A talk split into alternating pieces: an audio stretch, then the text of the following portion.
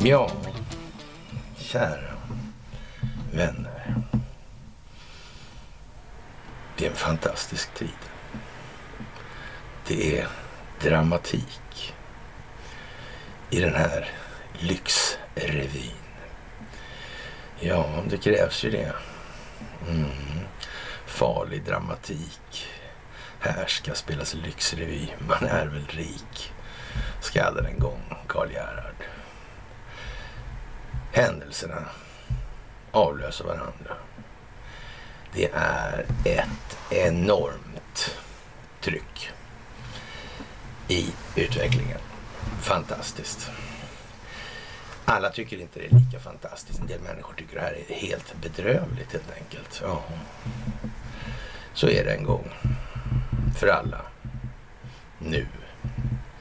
Det handlar om folkbildning. Det handlar om jordens genom tiderna största folkbildningsprojekt. Det handlar om en stingoperation. Ja, det är mycket nu. Vi eh, skriver den 8 juli, alltså den 8 juli 2022. Och då, kära ni, då är det som alltid på fredagar. Då är det dags för ett fredagsmys. Ja, det är ju som det är. Och ja, ni ska ha det största och tack. Återigen, vi tuggar på bit för bit i avmätt omfattning mm, och frekvens. Vi anpassar oss till folkbildningsprojektets utvecklingstakt. Vi håller en lagom takt. Det är helt perfekt. Ni ska ha det största av tack som sagt för går på Swish och Patreon. Ett jättetack. Och ni ska ha ett tack för att ni fördjupar er på karlnorberg.se. Och ni ska som vanligt ha ett tack för att ni hakar på Telegramtjänsten. Och som alltid tack för att ni följer underkanaler som Cornelia eller Grebergs träd. Och eh, ja, Free People's Movement liksom. Det är grejen som kommer att takta till det här ordentligt. Amerikanerna vet vad det där är och eh, säger väl att det, det är inte riktigt moget än. Men tro mig. De kommer få mogna snabbt här nu vad det lider. Inte ett uttal om den saken. Det är helt fantastiskt att se alltså. Och ja, Stensö han var på och är rödflaggad i eh, varenda statlig telefonväxel senaste veckan här. Det har varit helt fantastiskt sett till utfallet och de är riktigt aviga numera myndigheterna skulle man kunna säga och kan, kan prova att eller så säga, ja, presentera sig i mitt namn så kanske det går lättare. Ja, jag är i alla fall brunflaggad av Säpo så det är ju bra med det alltså. Ja, är det inte fantastiskt att säga? Det händer massor, massor, massor med saker och det verkar precis som att allting graviterar, konvergerar in mot någon form av kärna.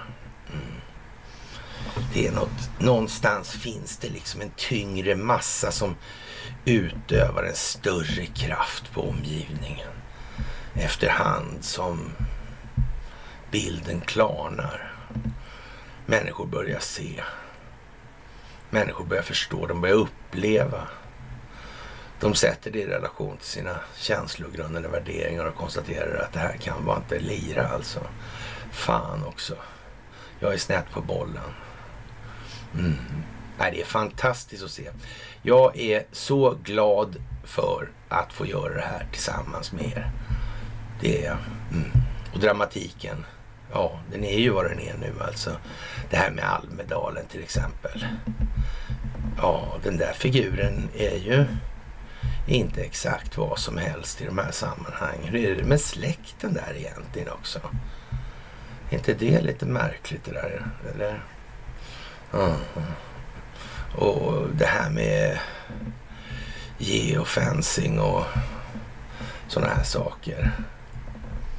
Mm. Ja, spatialdata. Knivar på Almedalen. Mm. Jag vet en rättegång en gång där polisen hade fått in ett tips. Ja, den gången måste det ha varit Marcus Ljunggren som ringde in det tipset, den rackaren. De har inte alls hållit på med det här hur länge som helst. Man skulle nästan kunna säga så här. Det var så uppenbart dumt och står så uppenbart dumt skrivet i domen. Ja, det var nästan som det var gjort för att upptäckas. Mm. Det är inte märkligt. Och de har hållit på så där, kan de hålla på så i en större skala, omfattning än vad de har berättat, kanske. Hur var det egentligen i Calcutta med de här knarkungarna, den här knarkhärvan där? Mm. Eller hade de tagit sig in i telefonerna och slagit på mickarna och filmat hade de gjort också va? Ja, ja, ja, ja. det gjorde de. Åklagarbesluten då. Åklagaren han tyckte att det var en bra idé. Ja, ja kanske det, kanske det. Ja. Men eh, man kan nog säga att det verkar rätt vidlyftigt. Alltså det, var ju, det har ju varit lite tjafs om det här med Encron egentligen. Hur, hur så säga, den rättsliga grunden ser ut i det sammanhanget. Mm. Alltså åklagarna verkar nästan vilja stoppa huvudet i björnsaxen alltså. Verkar konstigt. Ja. Hon Petra Lund verkar inte så tokig. Ja, pågår något projekt där eller så om ansvar och sådär. Jag vet inte. Skulle kunna vara något kanske. Mm, skulle det kunna vara. Ja. Men om åklagarna ska göra som de gör nu, är inte det... Ja, det beror ju naturligtvis på vilken jurisdiktion som gäller alltså. Det är ju det. Det är ju det alltså. Och så hade vi det där med kastellet alltså. Ja. Det blev ju konstigt, den där flaggan där alltså. Och så hade vi den där båten också då. Mm, assault ship liksom. Det flådigaste de har. Och, och, inga bilder från resan eller. Som Magdalena och Annie Lööf gjorde alltså. Mm. Kristersson var kanske inte välkommen. Nej. Och det verkar ju som att Sverige har haft fingrarna i det här med trafficking tidigare, alltså människohandel. Och nu verkar det tyvärr som att vi hamnar tillbaka hos de här jävla vikingarna i alla fall. Då. Vi sa ju att vi skulle bromsa med det och hoppas att det här hade löst sig innan dess. Liksom. Men icke då. Men vi har ju faktiskt, det ska vi vara ärliga och säga också, och därför har vi tagit upp sådana här grejer som rökstenar och så. Inte bara för att det är viktigt i sig alltså, utan det fyller en del och en roll, spelar en roll alltså i det här folkbildningsprojektet. Så är det också. Det ska vi inte heller sticka under stol med. Ja, det är ju konstigt allt det här alltså. Det är ju konstigt, det måste man ju säga faktiskt. Estonia där är konstigt, den båten Belos är konstig och Urfen och, och den där jävla kranen alltså som Belos har. Den är stark den alltså. Den skulle man kunna riva upp hål i. Plåtburkar med eller sådär kanske. Ja. Jag vet inte riktigt. Mm. Mycket märkligt, mycket märkligt. Faktiskt. Jaha. Och här är sommarvärmen. Mm. Då äter vi glass. Mm. mm. Jag har varit i glassbranschen faktiskt. Jag var i glassfabriken en gång i tiden också. Djurgårdsglass på Djurgårdsslätten i Stockholm. Och jag har haft massa glasskiosker och sånt där också. I tio år. Och liksom lite insatt i det här med glass och så. Och jag hade en farbror en gång som startade det här med GB glasshistorien alltså. Också sådär så. Ja, jag har haft lite intresse även om jag aldrig liksom, som barn aldrig var något särskilt förtjust i glass. Och så, det blev inte mina barn heller så särskilt förtjusta i glass av samma anledning. Då. Men hur som helst, alltså, det, vad innehåller glass egentligen? Mm. Det är konstigt det där alltså. Och, och den här livsmedelsindustrin, har den något beroende på något vis? Eller förhållande rent utav till den här läkemedelsindustrin? Kan det vara så? Ja, och så togs det tillbaka en massa livsmedel som kanske inte skulle kallas för livsmedel utan kanske skulle kallas för någonting annat. Som innehöll det här etylenoxiden som vi har tjatat om. Som går på tankvagn i Sverige. Fantastiskt konstigt. Ja, ja, ja. ja. Och, och eh, om man ska säga det som så, så Hägendas verkar ju eh, brinna dåligt då kan vi säga. Så man skulle rent av kunna säga att det till och med är svårt att smälta glassen med gaslåga. Mm, mm. Jag vet inte, är det bra det här tror Ja, etylenoxid i glassar som säljs i svenska livsmedelsbutiker igen alltså. Jaha. Men vem fan bryr sig om cancer? Ja, cancerindustrin såklart. Det, de gör ju det naturligtvis. Det, det kan man väl inte undgå att förstå nästan. Men ehm, mm, ja, jag vet inte. Läkemedelsindustrin bryr sig om cancer i alla fall. Det är helt säkert. Och det är liksom på ett ganska så allmänt sätt skulle man kunna säga. Och med all sån här verksamhet så gäller ju då naturligtvis att det är enskild vinstmaximering som gäller som främsta syfte för verksamheten. Det ska man också komma ihåg nu. Det är bra. Jaha, det här med svensk girighet är ju speciellt och kvinnor utan, utan sexuellt samliv anses vara sambo i, sambos då, i lagens mening. Dagens juridik bestämmer då Högsta domstolen. Och, och det innebär ju då liksom att det här hela HBT-caset där alltså eh, Ja, det blir lite konstigt helt enkelt. Alltså, när filosofiska materialismen ställs mot den här indelningsentusiasmen som finns då. Kan det vara meningen det här, alltså att folk ska faktiskt tänka efter nu här? Hur fan? Mm. Kanske till och med en, en annan HBQT-entusiast ska tänka efter också. Kan det vara så också? Mm. Ja, det där äh, uh, exponeringskynnet på det sättet alltså. Mm. Pride till exempel. Mm. Det är inte ett så litet anslag av filosofisk materialism i det skulle man kunna säga. Det har en mindre eh, koppling än man tror till då, eh, ja så att säga, själslig och moralisk utveckling. Det kan man lugnt påstå eller konstatera. Jaha, och vi har ju sagt att det här ska ju rulla in i Sverige via det amerikanska valet och den 8 augusti, eller var 20 augusti var det förresten. Så ja, då händer någonting. Och en undersökning i USA nu visar att 50 procent av amerikanerna tycker att eh, det är ganska trovärdigt att det blir valfusk i det här valet som kommer. Jaha. Mm. Men vem är det som är egentligen ansvarig för att se till att upprätthålla konstitutionen och skydda befolkningen? Mm, det är den amerikanska militären, ja. Mm. Och när den kliver in som verkställande makt då, då blir det ju på något vis militärlagar i det sammanhanget. Mm. Det ska man kanske tänka på. Och vem vet då, om man då är inblandad i att ha kränkt den amerikanska konstitutionen eller rent av begått brott mot den amerikanska konstitutionen. Mm. I, I, en egentlig mening alltså då. Ja. Ja, uppsåtligen dessutom. Mm. Då kan man nästan räkna med att amerikansk straff, strafflagstiftning är mer av militär natur. Det kan man nog utgå ifrån kanske. Då blir till exempel svensk rätt.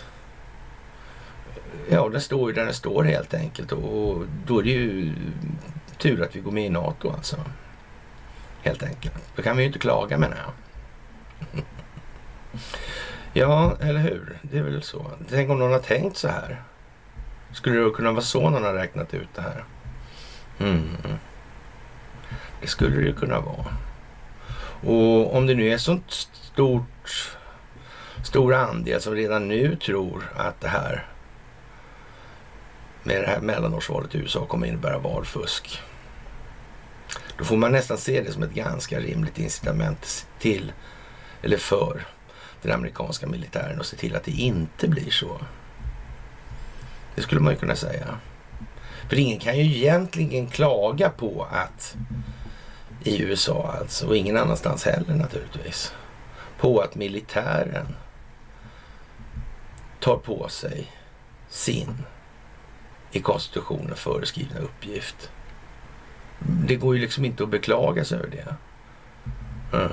Och så var det här med Adam Schiff. Vad har han just gjort för någonting? Det där var väl lite nästan som man tänkte sig att eh, var inte det där att bolla upp för just det här kanske? Det var väl nästan så va? Jag menar om man säger att det ska inte vara någon, amerikanerna ska inte ha, eller amerikanska militären ska inte ha någon insyn i utredningar och annat som görs i kongress och senat och så vidare och alla handlingar där ska vara hemligstämplade. Är inte det närmast en uppmaning till militären kanske? Och det känns lite så. Va? Man, man, kan inte värja sig helt från intrycket liksom. Nej, det kommer liksom runt alltså så. Ja. Det där är ju konstigt faktiskt. Jättemärkligt. Jaha. Och eh, den här svenska rollen då inom trafficking och slavhandelshistorien Eh, som börjar komma upp nu genom Ukraina. Det där brevet ska vi komma tillbaka till med, som Karl XII skrev. Alltså det är fantastiska tider där runt 1011, 1700, 1011 där. Mm. Det var ju konstigt. Och det ännu konstigare var att protokollet inte hade någon aning om vad knappt Magdalena var i Ukraina alltså. Ja. Och det, det amerikanska protokollet på, på alltså protokollavdelningen alltså. På, när det gäller det här uh, Cursage då, alltså eh, Assault Ship, det stora hangarfartyget som var inne på Stockholms ström. De hade klart för sig det här. Men det svenska protokollet hade inte det. Ändå är det protokollet som kommunicerar med varandra. Så det är protokollen som kommunicerar med varandra i sådana här sammanhang. Bestämmer allting. Varenda ord, varenda stavelse, varenda kommatering. Mm. Det är inte mycket frigång där inte alltså. Nej, det är inte allmänhetens fria åkning precis. Det kan man inte säga alltså. Ja, och som sagt den 20 augusti så kommer då en liten sån här äh, film igen. Ungefär som 2000 mulor fast äh, eh, 2000 gånger värre då. Då, då kommer ju den här äh, uh, oh, geofencing förklaringen och spatialdata. Mm, hur ska de förklara det här nu då? Och tänk om de också satt på telefonerna och avlyssnat och filmat, som i den här knarkhärvan. Och i Sundsvall har man ju till och med förklarat att det här med geofencing håller man på med. Det gäller sparkcyklarna. Man mätt så de inte... De stängs av när de kommer in på vissa gator. Jaha. och om man avlyssnar sparkcyklarna finns ingen risk att som folk åker på det. finns ingen risk att man gör någonting mer. Nej. Nej, nej, nej, nej, nej, nej. Nej, det är klart. Så, så kan det ju vara. Det kan vara så. Ja, ja. Men det kan också vara på något annat vis. Så är det också. Och det ska man nog tänka på nu tror jag alltså. Ja, så ja, naturligtvis. Det här är ju... Nu, nu börjar det bli liksom, nu är vi väldigt långt fram här. Va? Och det, det är klart att man får lite uppgivna kommentarer på, på eh, sånt här nu. Alltså, man, man säger att ingen där jag bor vet någonting alls om Eh, det är Ödlund, Ödlund som tycker det här nu. Alltså, om trafficking och slavhandel i Ukraina. Så möjligen går det här för fort. Eller så lämnas halva, hela orten i bakvattnet. Och, och så inom parentes, kan vara bäst så kanske. Ja, det kan man ju tycka om man har varit på orten länge och hållit på med blandad framgång helt enkelt. Då kan man ju tycka det kan vara möjligtvis rätt åt de här rätt envetna typerna då. Alltså att de får känna på lite, ja, vad ska man säga, eftertankens kranka blekhet kanske. Mm, det kan ju vara så. Det är klart, ja ja. Jaha, och Ingves sänker räntan alltså. Ja, det där är ju lite med lattjo, men ja, vi får se. Vi kommer tillbaka till det i alla fall. Och eh, det här med fotboll är ju fantastiskt intressant och väldigt viktigt för världen alltså. Och, och det kan man ju kanske tycka eh, lite si och så om. Och, och, bör man tycka lite si och så också. Meningsfullheten med det där, det, det får man ifrågasätta ur samhällets perspektiv sådär. Och eh, ja, Sepp Blatter och eh, ja, Platini, de frias från brott. Alltså de här fotbollsledarna som har gjort allt ifrån att skapa sådana här skolor i Portugal och ja, you name it alltså. Och, och, och muter och hela midevitten. Lennart Johansson som var inblandad, han var ju svensk så han var, höll inte på sådär helt enkelt. Det var så. Mm. Så var det. Absolut. Så var det absolut alltså. Och eh, Ja, som sagt, det var ingen mutare här utan det var något annat. Och man får väl nästan hoppas för deras skull att de inte eh, lät den här pjäsen ingå i eller den här eh, akten ingå i teatern totalt sett. Alltså att det här domslutet är en massa domare som har dömt efter förmåga, som de tycker i alla fall, som efter vad de har fått betalt för. Och sen finns det då eh, full dokumentation alltså på det här. Och, och eh, den här eh, tillställningen då, den rör sig alltså eh, ja, vid 2011 där är den här betalningen gjord och, och sådär. Och, mm, man undrar om sånt fanns redan då kanske. Mm.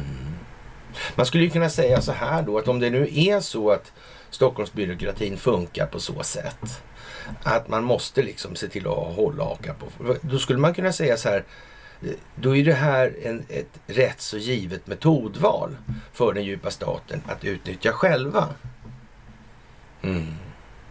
Och att det här inte kommer i ljuset av verkligheten och det här tramset med Encrochatten då. Och, och så ser den rättsliga grunden för det här och hur har man införskaffat de här uppgifterna. Att det här liksom kommer upp till ytan samtidigt, kan, det kan man nästan se som en blygsam, violblyg indikation på att det kommer mera längs den vägen. Och det kan ha med telefonbolag i all, eller med telefonbolag i allmänhet att göra. Och, och det kan till och med ha med ett svenskt stort och ganska välkänt telefonbolag att göra i synnerhet alltså. Och Sepp Blatter är ju en hedervärd kille då och har varit ordförande i internationella fotbollsförbundet, Fifa då, medan Platini var ordförande i Europeiska fotbollsförbundet. var liksom eh, topp till topp där va? och de knegade lite ihop och var tvungna att ge varandra lite stålar och sånt där. Och det var naturligtvis bra då. Och till följd av juryns beslut vill jag bara uttrycka min glädje över att rättvisan äntligen har segrat. Efter sju år av lögner och manipulation har sanningen visat sig under den här rättegången, säger Platini enligt AP då alltså. Och, och det här var ju bland annat en pengatransaktion på två miljoner eh, schweiziska franc, motsvarande 21 miljoner svenska kronor. Eh, och, och 2011 körde de den. Det där har ju hållits på en stund, alltså det är bort några spänn. Mm, det är ju lite sådär, kanske. Mm. Och men nu var det den här, och så hade vi vi höll ju på med några år sedan om den här eh, spela på fotboll och riggade matcher och såna här grejer. Och den här eh, experten på mutor inom fotboll och betting. Alltså där. Mm. Och, och förresten har väl vi någon, eh, några sådana här spelbolag. Så. Vi har till och med ett som heter Betsson på Malta. Ja. Just det, var de där ja. Lind, Pontus Lindvall, hans brorsa. Ja, ja just det, de där ja. Mm. Ja, deras farsa var egentligen starter och billing. Mm. Ja, han hade Lorry ett tag också. Det har inte dit riktigt, men ändå. Ja. ja, ja, ja, ja, ja, ja. Men det hänger inte ihop i alla fall. Det gör det inte. Det tror jag inte. Nej. Carl Bildt är ju en sån kille vi måste ta upp så här lite inledningsvis. För han, han har nu så att säga nått sin reach, liksom sin toppnivå. Va? Så han, han, han blir lite plan nu helt enkelt. Han, han får inte vara med riktigt i det här. Eh, det blir ju mycket dramatik. Alltså, det sagt, vi brukar ju säga att det flammar upp så här. Då. Och de enskilda dårarna naturligtvis är ju i farten alltså. Är de inte i Japan alltså så, så är de ju på Almedalen. Det är ju bara så alltså. Mm. Det kommer samtidigt. Konstigt. Konstigt, konstigt, konstigt. Och, det är liksom, och sånt där är ju väldigt, väldigt, väldigt, ja ska vi säga, symptomatiskt nästan alltså. Man kan se så här, det här handlar ju till största del om den inhemska befolkningens reaktion alltså. Mm. Hur spelar man det här? Ja, men Japan har väl aldrig haft någonting. Om man ska dra den då parallellen så kan man, måste man väl säga ändå att då borde väl Japan ha haft någonting gemensamt med Sverige. Om man bara ser till det här som har hänt nu sista dygnet då. Och om man nu mäter mediapådraget kring det här. Mm. Det är väl så va? Ja. ja. Ensamma dårar har det ju funnits någon gång här i Sverige då. Någon som mördade statsministern till exempel var ju en ensam dåre. Det var ingen konspiration i alla fall. Nej, det var ju inte det. Mm. Men i Japan var det ju en tidigare rackare där alltså. Inokai där, Pingstan, 32. Mm. Han var förresten mot den djupa staten till stora delar alltså. Och tyckte det här, den här bankhegemonin var så där alltså. Ja. Han blev dödad av någonting som heter Svarta draken. Det var en militärindustriell falang. Militärer alltså. Mm. Ja, vi kommer tillbaka till det. Konstigt det här alltså.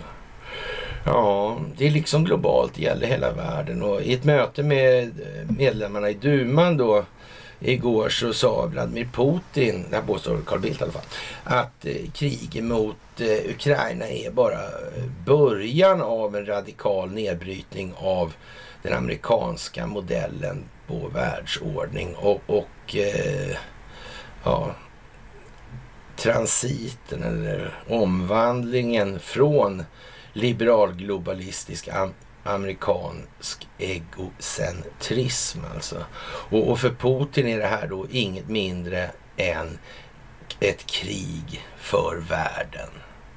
Och, och man kan väl nästan säga att eh, det är ju inte så många av, av de här stavelserna eller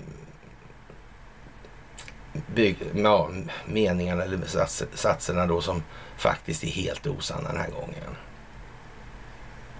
Det kan ju vara så att den här hegemonin med den djupa staten inte har varit någon höjdare för hela världen och att det är det det här handlar om.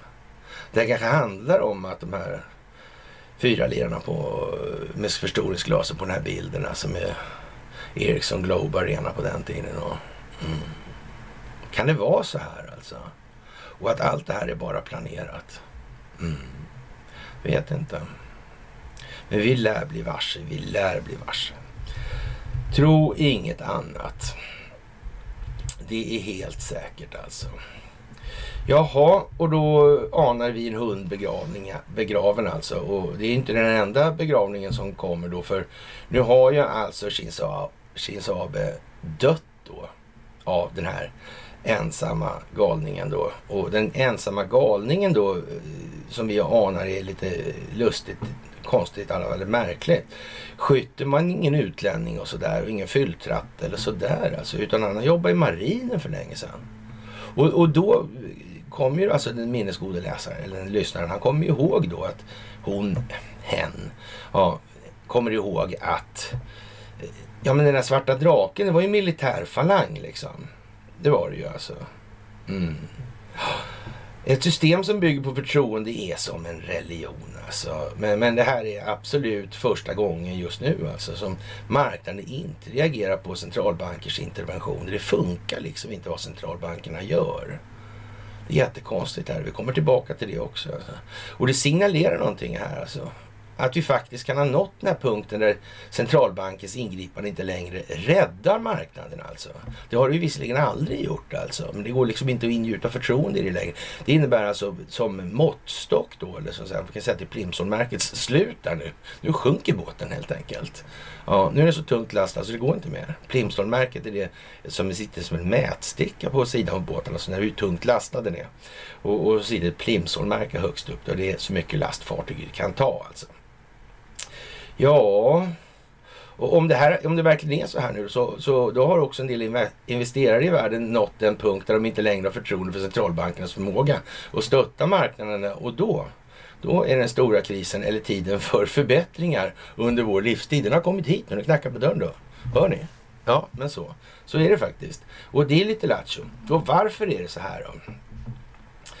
Man får ju nästan, eh, man blir lite tårögd helt enkelt. Och så att säga, vi väntar lite på ett svar om den globala onda cirkeln av eh, carry trade då som måste rullas tillbaka och, och, skapa tvångslikvidationer och så vidare. Man kom ihåg nu alltså, inga insatser har hittills gjorts någonting för att hålla tillbaka den våg efter våg av frenetiska skadliga kinesiska säljare som bara vill ut ur Ponzi-pyramiden och eh, vågor, ja de rullar ju faktiskt de också. Alltså hur är det där med Kina egentligen och hur är det med Japan? Hur ser Bank of Japan ut? Vem är det som har gjort det här? Abenomics. Det är Paul Krugman, ja just det. Ja, så kan det vara ja. Ja. Så nu kan vi ju verkligen påpassa lite tider för den djupa statens sönderfall. I, i sammanhanget påminna oss om krigsförbrytaren Nobusuke Kishi tillhörde den japanska svarta draken, alltså militärfalangen alltså. Eh, som efter den japanska annekteringen av Manchuriet i östra Kina hade hand om den ekonomiska utvecklingen och exploateringen av området. Han den här, eh, ja, Kishi då, han var, var en notorisk rasist dessutom alltså. Och, och, såg kineserna som hundar och lägre stående varelser. Känner igen det där liksom. Det var någonting med axelmakter har jag för mig. Kommer ni ihåg det? Mm. Det var ju det. Och sen var det det där med Kina och, och, Japan och det där avtalet där som någon skrev där som var då västlands första diplomatiska sändebud i den regionen. Som hette Gustav Oskar, han som hamnade nere i Turkiet där lagom till det började bege sig. Mm, ja, det har vi pratat om några gånger. Det är ju samma lirare här. Det är lite Sjökvist över den där va? Är det inte det Åsa-Nisse? Han byter keps liksom. Antingen ska han sälja bröllopskonfekt till fröken Britta. Eller också ska han sälja smör till Eulalia. Det är ju liksom själva det ena eller andra. Va? Sådär. Ja, ja. Ja. Han hade alltså hand om den ekonomiska utvecklingen och exploateringen av området. Han var en notorisk rasist. Jaha. Det var ju som fan alltså. Den 18 september 31 så besatte japanska trupper samtidigt och mycket väl förberett, tänka sig, orterna Mukden, Jingdo och Kupangtse, Tahushan och Changchun, vilket var fem viktiga knutpunkter i Manchuriet. Det var alltså inte planerat det här. För utvinning av råvaror som krigsindustrin inom IG-Farben eller det dåvarande militärindustriella komplexet var i trängande behov av. Alltså. Vid detta så ja, bombas mukten mycket hårt och många civila dödas. Under den höstens förlopp så besatte Japan steg för steg och helt obekymrat om västerlandets åsikter om detta allt viktigare orter i Manchuriet och la dem under japansk förvaltning. Det här var ju en bra stund efter som Gustav Oskar hade lämnat det. Man borde ju kunna ringt någon egentligen eh, sådär vid den här tiden. Men, men då sa han upp sitt svenska medborgarskap istället. Det verkar ju jättekonstigt när han satt där nere i Turkiet. Var, var, var ju verkligen märkligt. Skar det sig med familjen? Nej. Nej, det gjorde inte det. Det har jag inte hört något om. Ja, ja, ja, Det var ju konstigt alltså. Ja, ja, de, ja så här alltså. Alla viktigare orter i Manchuriet och la dem under japansk förvaltning. Jaha. Ja, gång på gång hade då japanerna i Nationernas förbund högtidligt med ord lovat att de hade dragit sig tillbaka och minskat sin truppnärvaro alltså. Och vid varje sådant tillfälle så hände naturligtvis det diametralt omvända. Premiärminister Inokai som eh, ju inte hade precis obetydliga inhemska problem att hantera den här militärpolitiska falangen som gjorde, utgjordes av Svarta Draken och IG Farben som var kopplade till de här affärsintressena som IG Farben utgjorde inom Japan. Och vi ska inte säga att det var Gustav Oskars kompisar men vi kan säga så här. Det ligger ju i alla händelser i farans riktning. Sådär.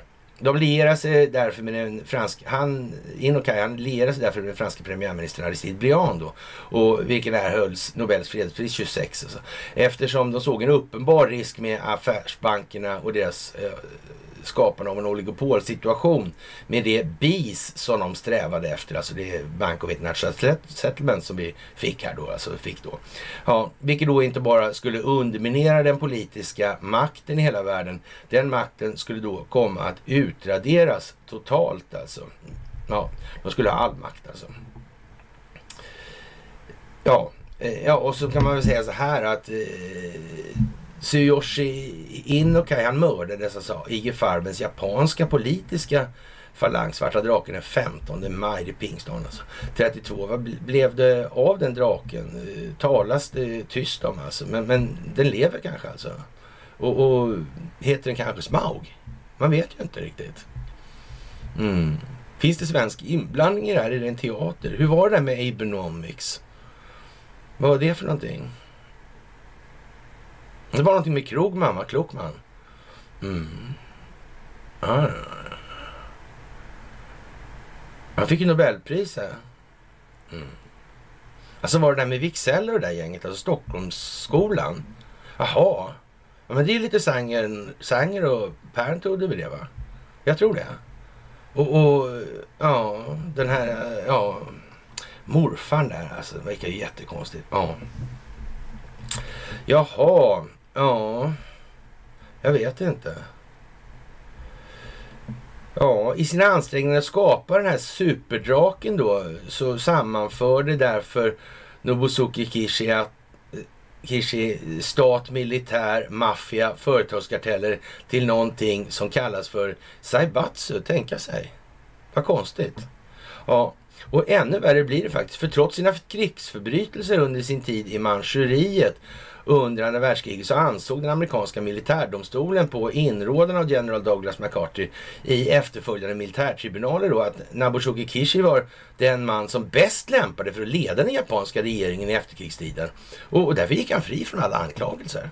Men så kan man göra sådär verkligen? Mm.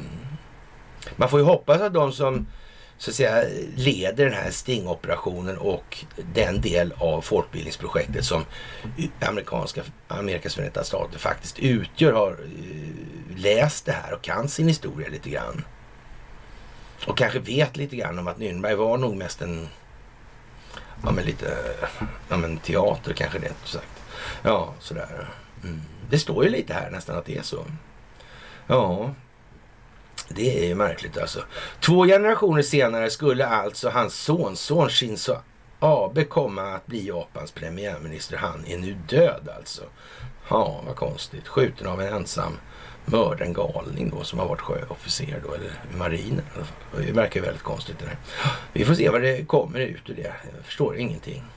På 75-årsdagen av Japans kapitulation i andra världskriget som byggde på att man slängde de här uh, atombomberna, det där med kärnklyvningen ni vet och, och det här som var så farligt så vi inte skulle kunna använda kärnkraft och sånt. Mm. Det, alltså det som gjorde grund, utgjorde grunden till hela det kalla kriget är det, det vi pratar om då. Mm. Ja, jag vet inte alltså. Ja, hur som helst då. På 75-årsdagen där av Japans kapitulation så uttryckte kejsaren Naruhito, han, de hette inte Hirohito längre då, eh, samvetskval över landets roll i kriget under eh, ja, en pandemianpassad ceremoni. Alltså, det där är konstigt alltså. Vadå? Vad menar de här egentligen? Samvetskval över landets roll i kriget. Hade de inte liksom eh, gjort bokslut på det där? Alla överens om det var den bästa beskrivningen av verkligheten som gällde till grund för alla de här, alla de här besluten? Eller är det, varför har han dåligt samvete för det de har gjort så gott de har kunnat? Och, eller vet han någonting mer? Det måste han ju göra, annars skulle han inte ha dåligt samvete. Så är det ju. Ja, tänka sig. Det är ju lattjo. Vad konstigt att ingen reagerar på det. Ja, att Shinzo Abes ekonomiska, ekonomiska, ek, ekonomiska experiment inte är hans egna idéer är lika givet som att den Nobelprisdekorerade Paul Krugman tar sina direktiv från intressena bakom Stockholmsskolan. Och vad de här ägnar sig åt vid den här tiden, ja, det är väl inte så mycket att snacka om kanske. Det är ju liksom vad det är med Plant Parenthood och, och handel med fosterdelar och handel med barn och, och så vidare och så vidare och så vidare. Ja, i sin bok Es Geschah in Deutschland skriver den dåvarande tyske regeringstjänstemannen greve Lutz Schwerin von Krozik följande. Våren 31 besökte den schweiziske bankiren Felix Sommare, vilken var starkt anknuten till Schweizische Bankverein och som också gjort ett namn och som var nationalekonomisk teoretiker finansministeriet i Berlin. På frågan om hur länge rådande världskris skulle hålla i sig svarade han först att då måste tre saker inträffa innan man, och vilka de här sakerna, vilka, vilka dessa man var, det kan man börja förstå nu alltså. Tänk, kunde tänka sig en vändning i det här och uppåt så, så måste banksystemet då i Wien och Berlin eh, reformeras eh, och för att passa då den djupa staten lite bättre alltså. Sådär och, och så. Och, eh, och, och den som reformerade det tyska bankväsendet då och, ledde det, den hette ju naturligtvis då Marcus, Lauren, Marcus Laurentius Wallenberg. Mm. Det är ju lite konstigt att det var så. Jag vet inte. Mm. Och ändå var det, var det väl brorsan som fick den där tyska örnens kors va? Mm, jag vet inte fan vad märkligt det här är alltså. Ja, det här kan ju ingen ha upptäckt alltså. Det var helt omöjligt att reda på de här grejerna. Det är inte liksom bara öppna uppgifter som finns var som helst. Man kan säga så här, för 20 år sedan var det inte så öppet. Nej. Men nu, nu är det en jävla skillnad. Nu är det skam och skämmes ta med fan egentligen om man inte gör sig omaket. Då får man ta den smäll man får när det väl kommer. Sådär. Och eh, ja, eh, ja, som sagt. Det här måste sker då alltså, reformen där. Och det engelska pundet måste lösa sig från guldet så att skuld och valutaexpansionen inte bromsar av tillgången på guld. Alltså, och svensken Ivar Krygers tändsticksmonopol måste bryta samman. Och, och, tidigt på sommaren då så kraschade bankerna och, och sent på sommaren så nedvärderades pundet då. Eh, och, och ja, det där var ju vad djupa staten pysslade med helt enkelt. bestämde man ju själv eftersom det var Bank of England-chefen som var med inblandad i det här och bestämde allting. Mm. Montague Norman kollet, eller kollet är en slags ring. Montague Norman Ring helt enkelt. Ja, eller som man sa i filmen då kanske. Häxmästaren från Angmar. Mm. Det var ju konstigt alltså. Konstigt, konstigt, konstigt. Ja, ja, ja, ja, ja. Och eh, ja, när Felix Sommer senare ännu en gång kom till Berlin under tidiga våren, alltså precis i månadsskiftet februari-mars, fick han frågan om han verkligen fortfarande eh, måste vänta på den tredje händelsen. Alltså, så, och, och Felix Sommare tog det här tillfället i akt och, i akt och han sa att det tar inte bak någonting alls. Alltså. Inte det minsta. Utan försäkrade istället helt frankt att Krügerkoncernen inom en mycket kort tid skulle vara slut. Alltså. Mm. Och hur kunde då möjligen den här schweiziske bankiren Felix Sommare, veta att det snart skulle vara slut med Ivar Kryger och dessutom uppenbarligen understödd, som understöddes av den franske premiärministern och, och, och tidigare fram till 29 den tyska utrikesministern Gustav Stresemann. Ja, nu börjar det bli konstigt här. Och Stresemann han fick Nobels fredspris tillsammans med Aristide Briand, 26. Ja, är inte det här konstigt? Ja, Shinzo Abe, Japans longest serving prime minister is dead helt enkelt. Mm. Men visst är det konstigt?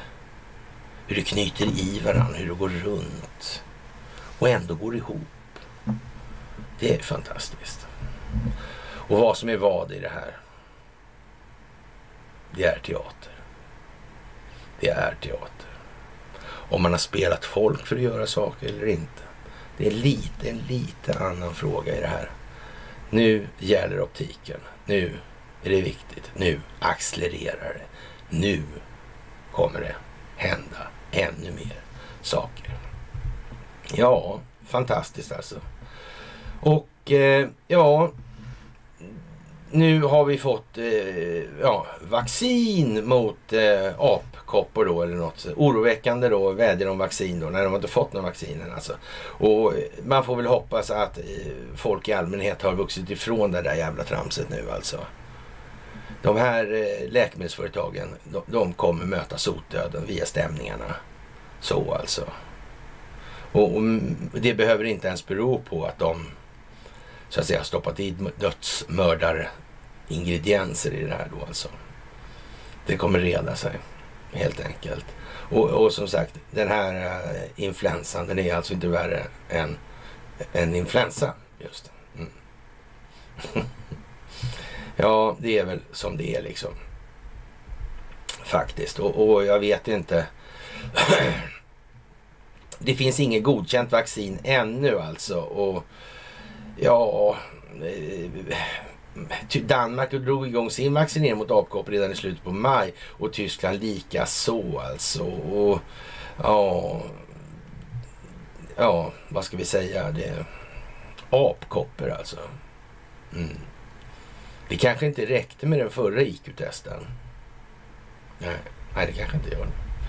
Men, men förr eller senare om man håller på på det viset som människa då kan vi vara helt säkra på att till slut blir de här vaccinen farliga på riktigt. Det går inte hur länge som helst alltså. Det här. Och för alla som tror då att det här är ja, dödsmördar, avfolknings... Alltså... Kom igen nu alltså. Det är bara så. Det, det, det är samma sak med Georgia Guidestones därifrån, och 1980 liksom. Vem fan kan ha ställt dit dem där liksom? Vem kan det vara liksom? 80, ja det är, är ju bara några år efter det han Kennedy blev mördad. Ja, det är ju det liksom. Det är det som är problemet alltså. Mm. Det, det, måste ha funnits någon som upptäckte de här alltså. Att, att det fanns någonting som li, kunde liknas vid den djupa staten i alla fall som vi beskriver det. Mm, det måste varit känt då. Ja, men då är det bara att slå upp några sådana där då. Mm. Ja, ja. Ja, ja. Ja.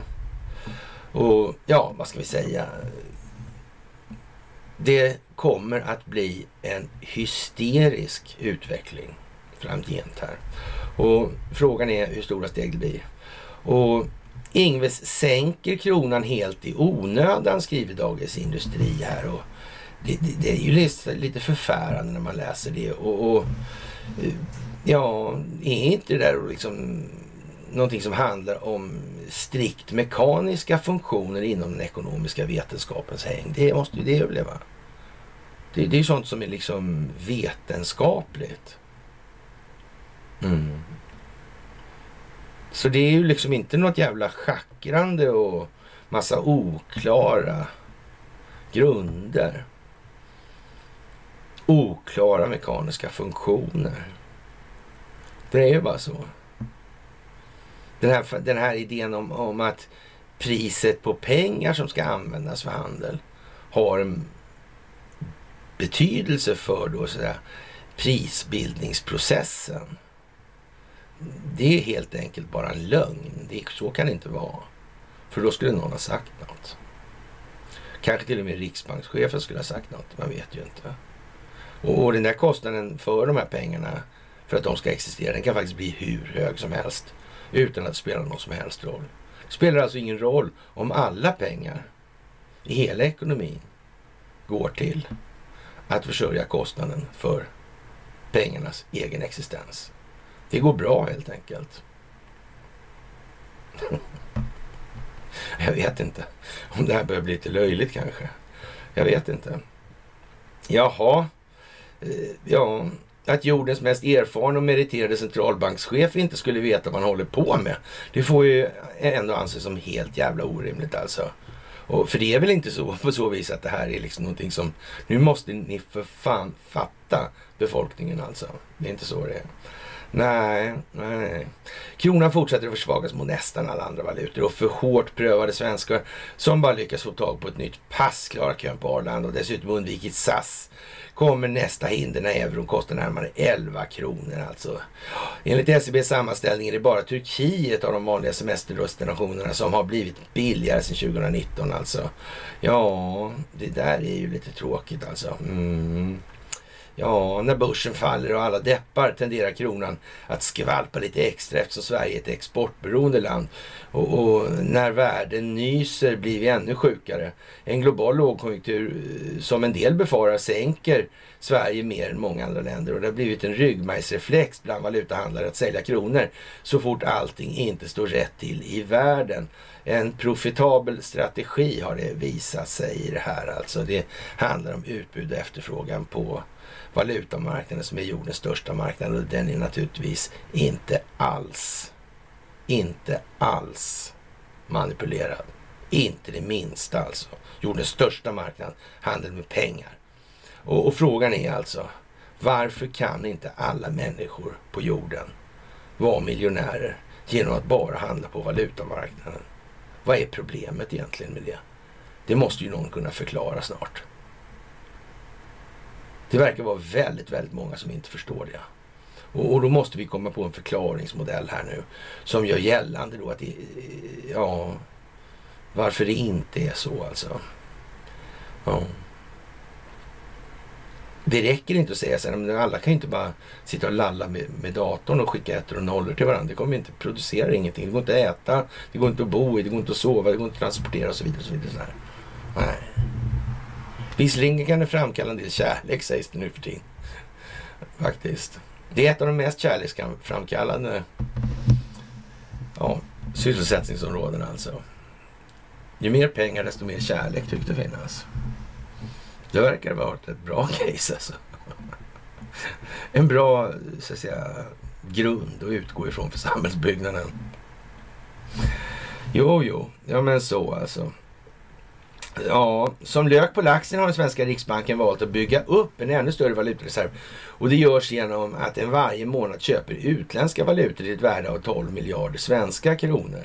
Det säljer alltså oavbrutet kronor vilket i sin tur då sänker kronan genom ett, ja det blir ett utbudsöverskott där alltså menar man då. Ja, ja det gör inte bara att vi svenskar blir köpsvaga i utlandet. Allt vi importerar blir också mer kostsamt vilket lyfter inflationstakten alltså. Jaha, Inf importen alltså. Det är inflationstakten, inflödet ökar alltså av valuta då alltså. Mm. Jag vet inte. Man får nästan intrycket av att det här är någon form av pedagogiskt exempel. Jag är osäker på vad man, vad man vill säga alltså. Men, men det där var en väldigt konstig formulering alltså. Ja. Det där är lite ja, konstigt alltså. Ja, ja, ja, ja, ja. Lyfter inflationstakten på hemmaplan. Och eftersom Riksbanken styr med sitt inflationsmål betyder en kronförsvagning högre räntor för oss alla. Aha. Så när kronan blir svagare då blir räntan högre. Jaha. Då liksom eh, går Riksbanken in då och höjer sin styrränta alltså. Mm.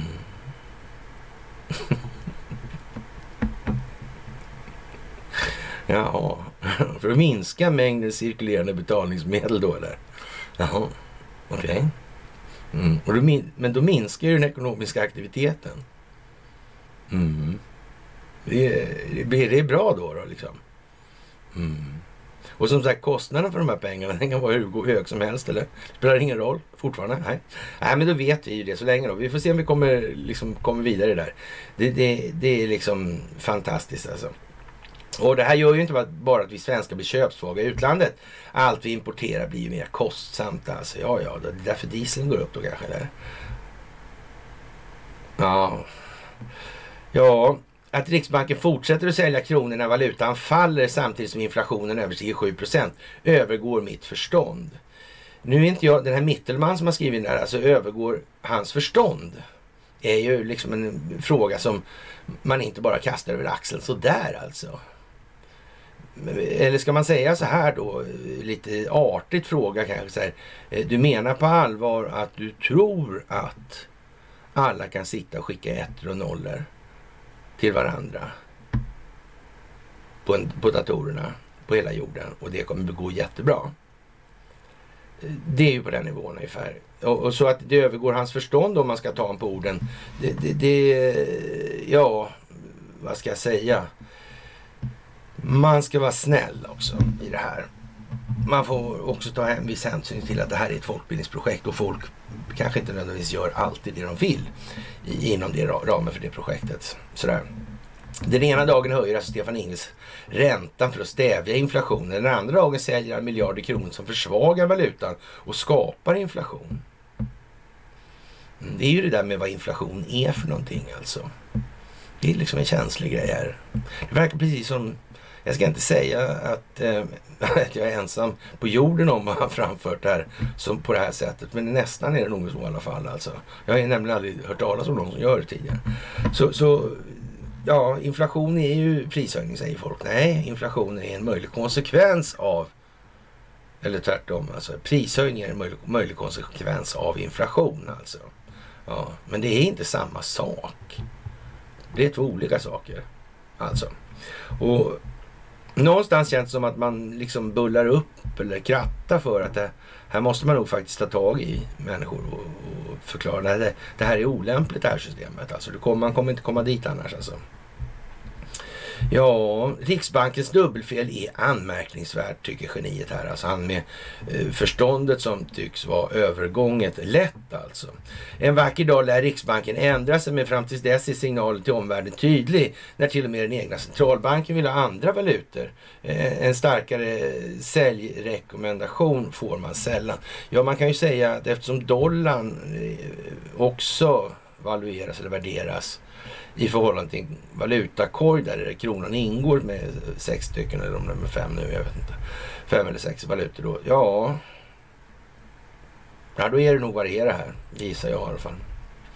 Jaha, och vapenindustrin har då eh, årliga eh, 10 miljoner dollar i kampanjbidrag in till kongressen alltså. Och, och det är väl kanske, är inte det lite mycket pengar? Det är ju ändå 100 miljoner spänn sådär. Jag vet inte, kanske är liksom... Ja.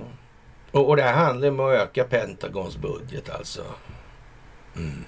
Man köper sina politiker kort sagt. Mm. Så, så går, det, går det ju inte till i Sverige. Det har aldrig gått till så i Sverige.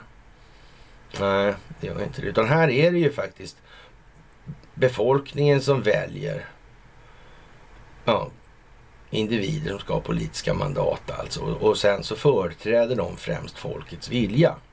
För det här är en demokrati och vi har en upplyst och medveten befolkning. Ja, ja. Ja, ja. Det är ju som det är nu här och, och, och visst, det, det, är ju liksom, vad ska vi säga, speciellt helt enkelt. Jaha, och vidare då så Kinas diktatur kan bli delägare i SAS alltså. Ja, det där är ju speciellt alltså. Faktiskt, det får man ju säga. Mm. Det blir omvandling där av de här fordringarna på något vis. Alltså. Och så blir det aktier och det här istället på något vis. Ja. Hur var det där med ett fåtal svenskar som obetaltvis la sig i Kinas inre? Jag vet inte ihåg. Jag tror vi kommer tillbaka till det ändå, så det spelar ingen roll. Jaha. Tre personer slutligen de, de, slutdelges misstanke om mutbrott. Kopplingar till kommunalt bolag i Sundsvall. Man kan ju bara gissa vilka det kan vara i vanlig ordning. Och, och det kan nog vara så nu, alltså ska man ha klart för sig som jag sa tidigare, att eh, det finns en hel del dokumenterat som kommer att eh, beröra förvånande många människor alltså i det här. Mm. Ja, det vore ju dumt att inte liksom bara eh, göra upp en mall då. Och, ja, sådär alltså. Ja. Och som sagt, frågan är vad det blir för jurisdiktion på allt det här alltså. Det är frågan. Det handlar ju trots allt om det svenska rättssystemet i väldigt, väldigt stora delar. Mm. Det gör ju det. Robert O'Brien sa ju det. Ja, det är viktigt det där att komma ihåg. Många saker nu. Mm. Och eh, ja, vi, vi, får väl hoppas att det här med Ukraina eh, får en, eh, om man ska säga, en upplösning snart. Men det är väl inte att hoppas på kanske egentligen. Men det, nu är det ju vad det är liksom. Och eh, ja, vad ska man säga? Det, det, det är ju som sagt, det, det, det trummar på. Alltså, många medierna måste ju hålla vid sin version, sin bild. För att det inte ska gå för fort. De som inte är beredda att gå själva kommer ju inte att gå själva. Förrän de måste. Mm. Så det är ju som det är. Och eh, ja. Lettland ja ja. De har tydligen börjat förstå någonstans att ja, det här med NATO alltså. Är det så där jävla bra alltså? Jag vet inte. Mm. Det där kan vara... Mm. Det kan vara som det är alltså. Hur såg det här ut historiskt egentligen? Nästan Lettland, Litauen och det här. Mm. Det fanns något ingenmanland. Inte ingenmans, inte ingenmans alltså, utan ingenmanland. Mm. Mm. Och det där med slavhandeln igen alltså. Ja, ja, ja. Ja, det har varit i säck innan det kommit på sig, får man nog säga. Och vem är det som har betalat juristutbildningarna?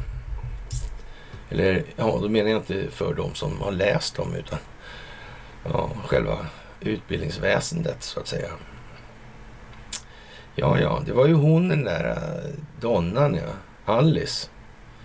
Alice Wallenberg som var ordförande i Rasbiologiska sällskapet där ja. 17. Ja, just det. Det är ju den fonden, det är hennes fond som har betalat det där. Så praktiskt. Måste det vara. Är det bra det här? Verkligen. Kanske världen har upptäckt det nu. Kanske de har förstått liksom att men helvete, helvete, är de här nu igen alltså. Ja, samma jävla gäng och hela tiden om och om och om igen. Boom, boom, boom, boom, boom. Är det inte fantastiskt? Jag tycker det är helt makalöst alltså. Det är så gulligt alltså. Ja, och krigsmaskineriet ja. Mm. Det är våldsmonopolet som gäller alltså. Det går inte att lita på det här annars. Alltså. Inte ännu i alla fall kommer ta ett tag. Vi måste ha några strukturer annars blir det åka av. Helt säker, alltså. Mm.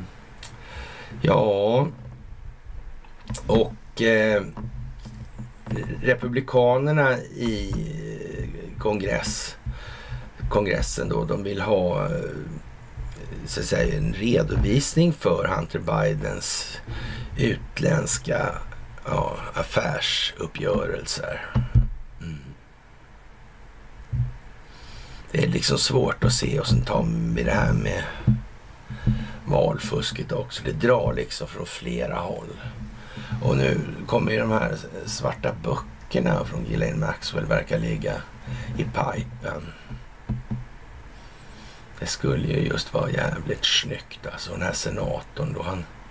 Han var engagerad i Raoul Wallenberg-frågan också va? Var han inte det? The Delawarean Candidate, alltså underlivsporslinet. Mm, det var han ja. Hänger det ihop det här på något vis? Är det liksom... Spelar någonting någon roll för någonting annat i totalen? Eller är allting bara... Ja, jag vet inte. Jag vet inte. Faktiskt. Mm. Jaha, och eh, ja... I april då så, så ja, sålde Biden-administrationen 950 000 ton då, med ja, olja då från den strategiska reserven alltså och, till ett kinesiskt gasföretag då, då liksom. Eh, ja, och, och det här då, ja, det var en konstig grej alltså det här alltså. Ja, finansierat av bland, bland annat då Hunter Biden liksom inte det här märkligt? Men kan man göra så verkligen? Kanske eh, är det liksom... Ja, jag vet inte. Varför gör man så? Man vet ju att det här måste ju komma surt efter. Och ändå så gör man så. Det är jättekonstigt tycker jag. Faktiskt. Ja, det, det, det är verkligt. Jaha, och eh, Shinzo Abe, han hade förmodligen en hel del att berätta i det här alltså. Det är ju så. Så är han död verkligen? Ja, det lär ju återstå, det återstår väl att se kanske. Sådär. Mm. Jaha, och eh, det här är början på en övergång till en verkligt multipolär värld och vi måste förstå att det redan är omöjligt att stoppa den här processen. Det säger Vladimir Putin i morse då. De borde ha förstått att de redan har förlorat redan från början av vår NVO eh, för sin dess början innebär också på ett radikalt eller innebär också ett radikalt sammanbrott av den amerikanska världsordningen. Detta är början på övergången från liberal globalistisk amerikansk egocentrism till en verkligt multipolär värld. En värld som inte bygger på själviska regler som någon har uppfunnit för sig själv och sin egen skull. Alltså bakom vilken det inte finns något annat än önskan om att ha en hegemoni. Alltså inte på hycklande dubbelmoral alltså, utan det ska bli någonting riktigt alltså, utan på folkrätt och folkets och civilisationernas verkliga verkliga suveränitet. Det är upp till dem att eh, leva sitt historiska öde, sina värderingar och traditioner och bygga samarbete på grundval av demokrati, rättvisa och jämlikhet. Och vi måste förstå att denna process inte längre kan stoppas. Det är ljuset från verkligheten som gäller. Och, och det blir bara mer, allt mer pinsamt för varje sekund. Och vad säger den politiska adeln om det här? Adresserar de den här skiten? Nej, de gör ju inte det. Av vilken anledning kan det möjligen vara? Är det svårt att förstå? Jag tror inte det är så svårt faktiskt. Jag tror inte det är svårt alls. Om jag ska vara ärlig. Det tror jag inte. Och eh, Donald Trump han tycker det är förfärligt det här med Shinzo Abe. Och det är det naturligtvis. Och Eh, han var en verklig vän eh, till mig alltså, och, och, och, men mycket mer viktigt då, eh, till Amerika alltså. Ja, ja, ja. Mm. Men det var ju det här med den djupa staten alltså. Det är svårt att säga liksom, men eh, visst. Och, och, det här är alltså eh, ett mycket kännbart slag mot eh, Japans underbara befolkning, alltså som älskade och såg upp till honom så mycket. Mm. Och, och, vi ber alla för Shinzo och hans vackra familj. Men, men den var ju morfar, han var väl inte så ändå alltså. Och, och japanerna är väl inte så förtjusta så det stör. Nej, eh, nej, jag vet inte, det är konstigt alltså. Ja. Mm. Kanske japanerna skulle ta sig samman. Istället för att lalla runt som ett gäng skitungar liksom. Ja, ja. Och eh, som sagt det här med eh, Ingmanland alltså. Och den här historien kring det här. Och, och, det är ju liksom en... Eh, det är ju ingen liten grej alltså. Så de här historien med Karl den XII och de här idéerna om att göra delarna av Ukraina oberoende av den ryska tsaren. Mm. Det där var ju speciellt. Det här var ju 1711. Mm. Och sen schasade ryssarna ut svenskarna ur Ukraina. Mm, det var 80 ungefär. Men då var de snabba med att öppna en ny firma. Och ny butik alltså på Sankt Bartolomé. Samma tema. Slavhandel. Mm. Ja, det här finns ju beskrivet och vi har delat det här på eh, Ja, det finns delat här på, säkert på Connys också, på min och Connys sida i alla fall, helt säkert.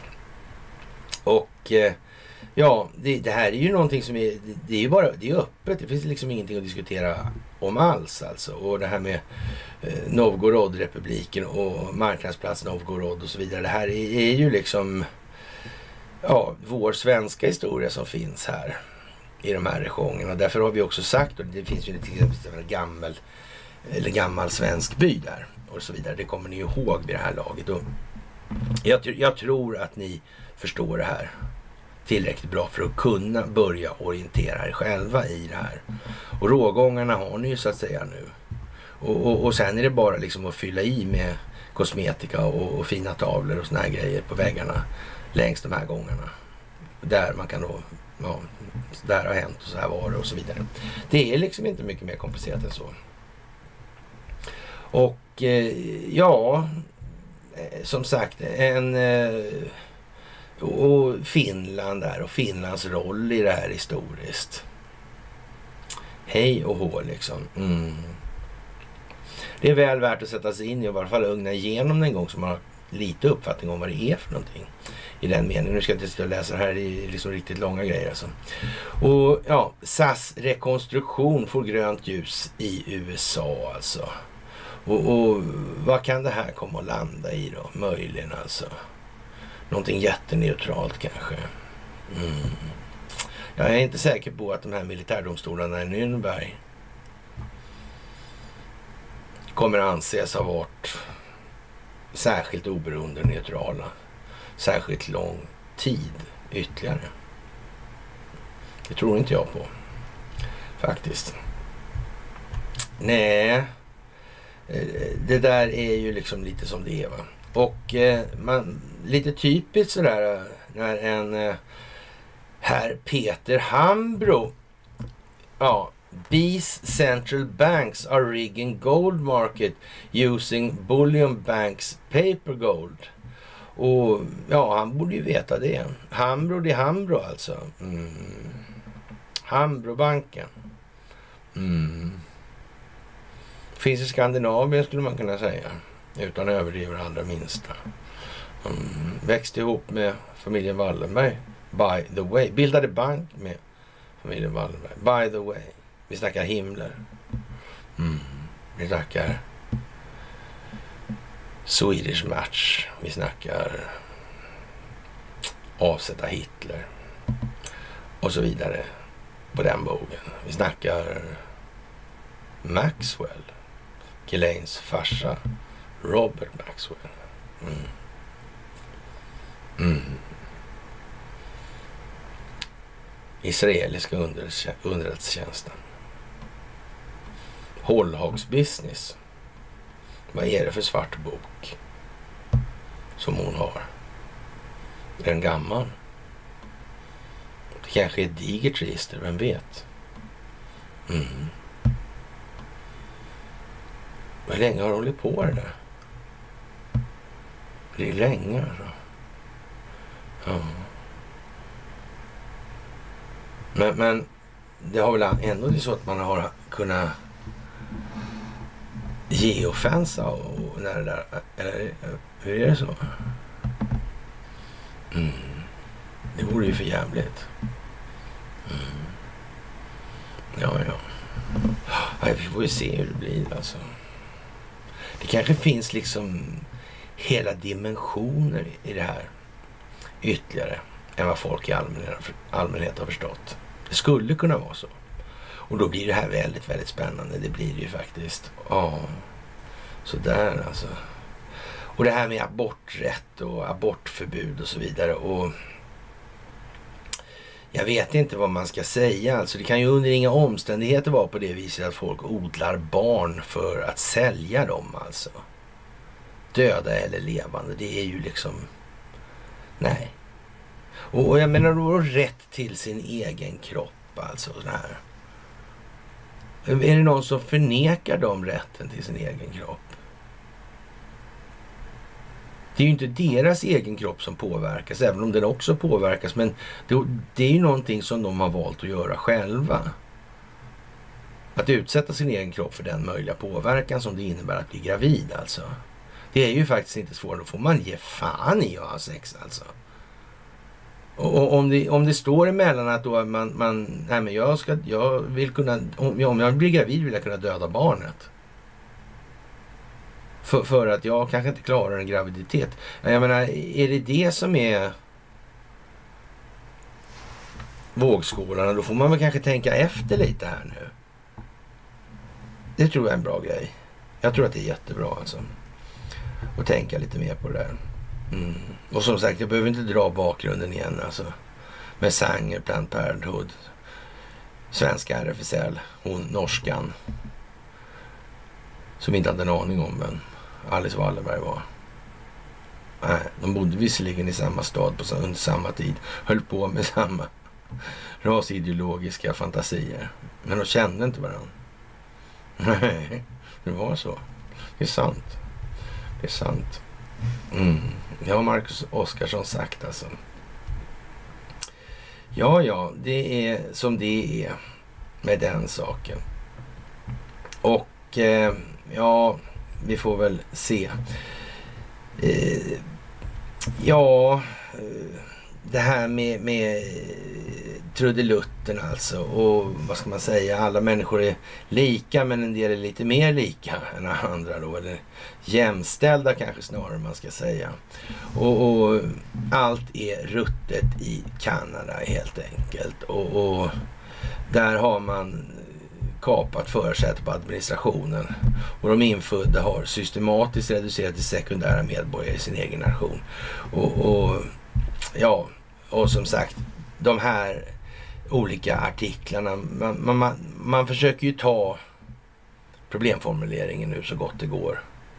Men, men eh, till stora delar är ju sådana här eh, publikationer då som The Global News, alltså ja, globalnews.com där. Det är ju rena lyteskomiken, alltså det är ju intellektuell lyteskomik. Alltså det är, ja. Nu måste man kunna och förstå själv alltså. Och, och de här har väl som uppgift och, och man ska himla lite med ögonen när man kommer halvartikeln och så behöver man inte läsa mer. Så. Det är ju så. Det handlar ju om att sortera, sila. Inte försöka läsa allting som finns på hela internet och sen tänka till vad man ska göra med det. Det kommer inte fungera. Helt säkert.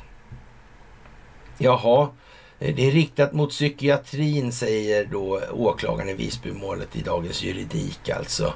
Och den här, Ja... ja, Ingmarie Wieselgren, alltså 64, hon dödades med kniv alltså. Mm. Ja, enligt åklagaren finns det saker som tyder på att mannen har problem med psykisk ohälsa och också var narkotikapåverkad under attacken alltså. Mm. Ja, det, det, är som det är alltså. Mm. Undrar om man tillhör något gäng. Ja, NMR tydligen då sådär och jag vet inte. Och den amerikanen som var i farten där, han var Antifa. Så det verkar inte spela så stor roll där. Uh. Ja, ja. Mm, det verkar konstigt det här med de här kulisserna alltså. Det måste nästan vara slut med det snart tycker man. Tycker jag i alla fall. Borde vara. Nej, jag, jag vet ju inte. Ja, ja. Mm. Jaha, och eh, ja, vad ska vi säga? Eh, den här liran då med, med, jag vet inte egentligen vad man ska säga. Eh, ja, en ensamma galningen liksom. I en tillvaro där världens regeringar har lagt mer tid och energi på att påverka individernas tänkande än vad de gjort under hela mänsklighetens historia. Det är inte så att de kan skapa vad som helst i princip då med de resurser och medel som finns till förfogande just nu. Och kanske till och med kunna göra det under lång tid.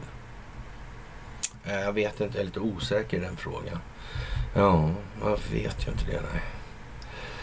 Som sagt, eh, Dagens Nyheter tycker i alla fall att eh, vi har inte ens börjat något seriöst i Ukraina. Utan det är ju för att skydda Ryssland man gör det här. Och den ryska befolkningen. Så är det ju. Mm.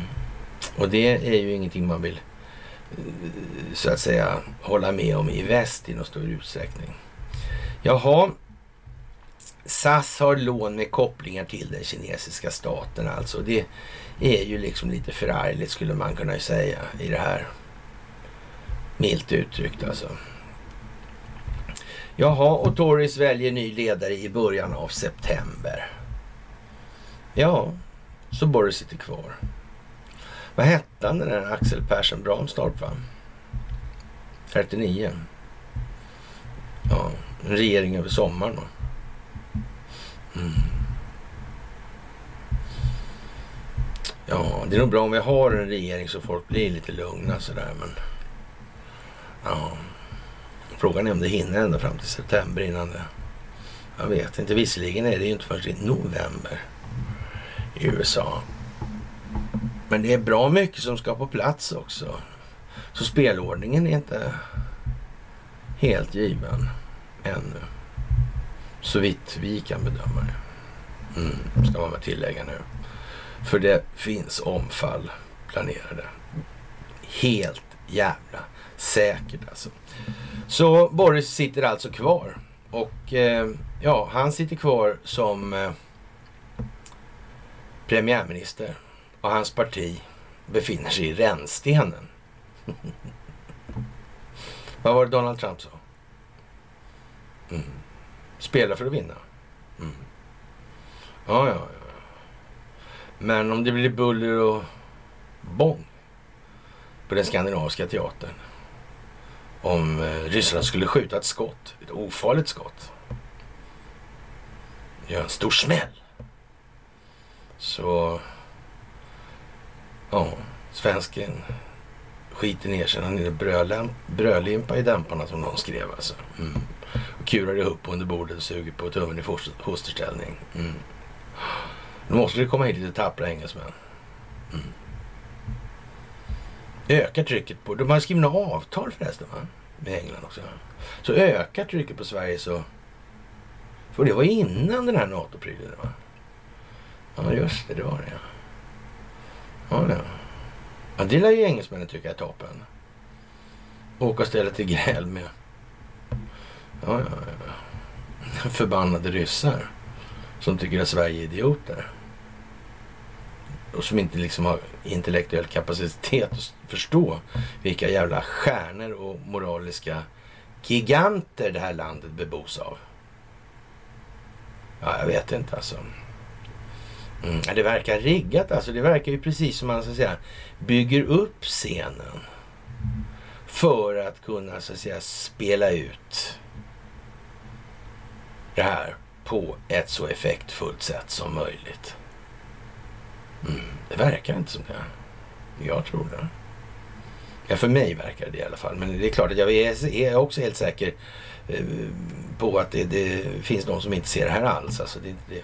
Och, och det här med, ja, och det här med flaggan på kastellet och ena dagen och, och så Löfven och sådär. Och, amerikansk militär lagstiftning och den här killen som var här och sålde de här ja, patrioterna heter de. Ja. Konstigt namn på dem. Kanske man behövde lära sig något av det. Ja. För man kan inte vara patriot och tycka att globalismen är bra. Det går inte. Det går inte. Men när man kan vara nationalist förstås och tycka att globalismen fungerar.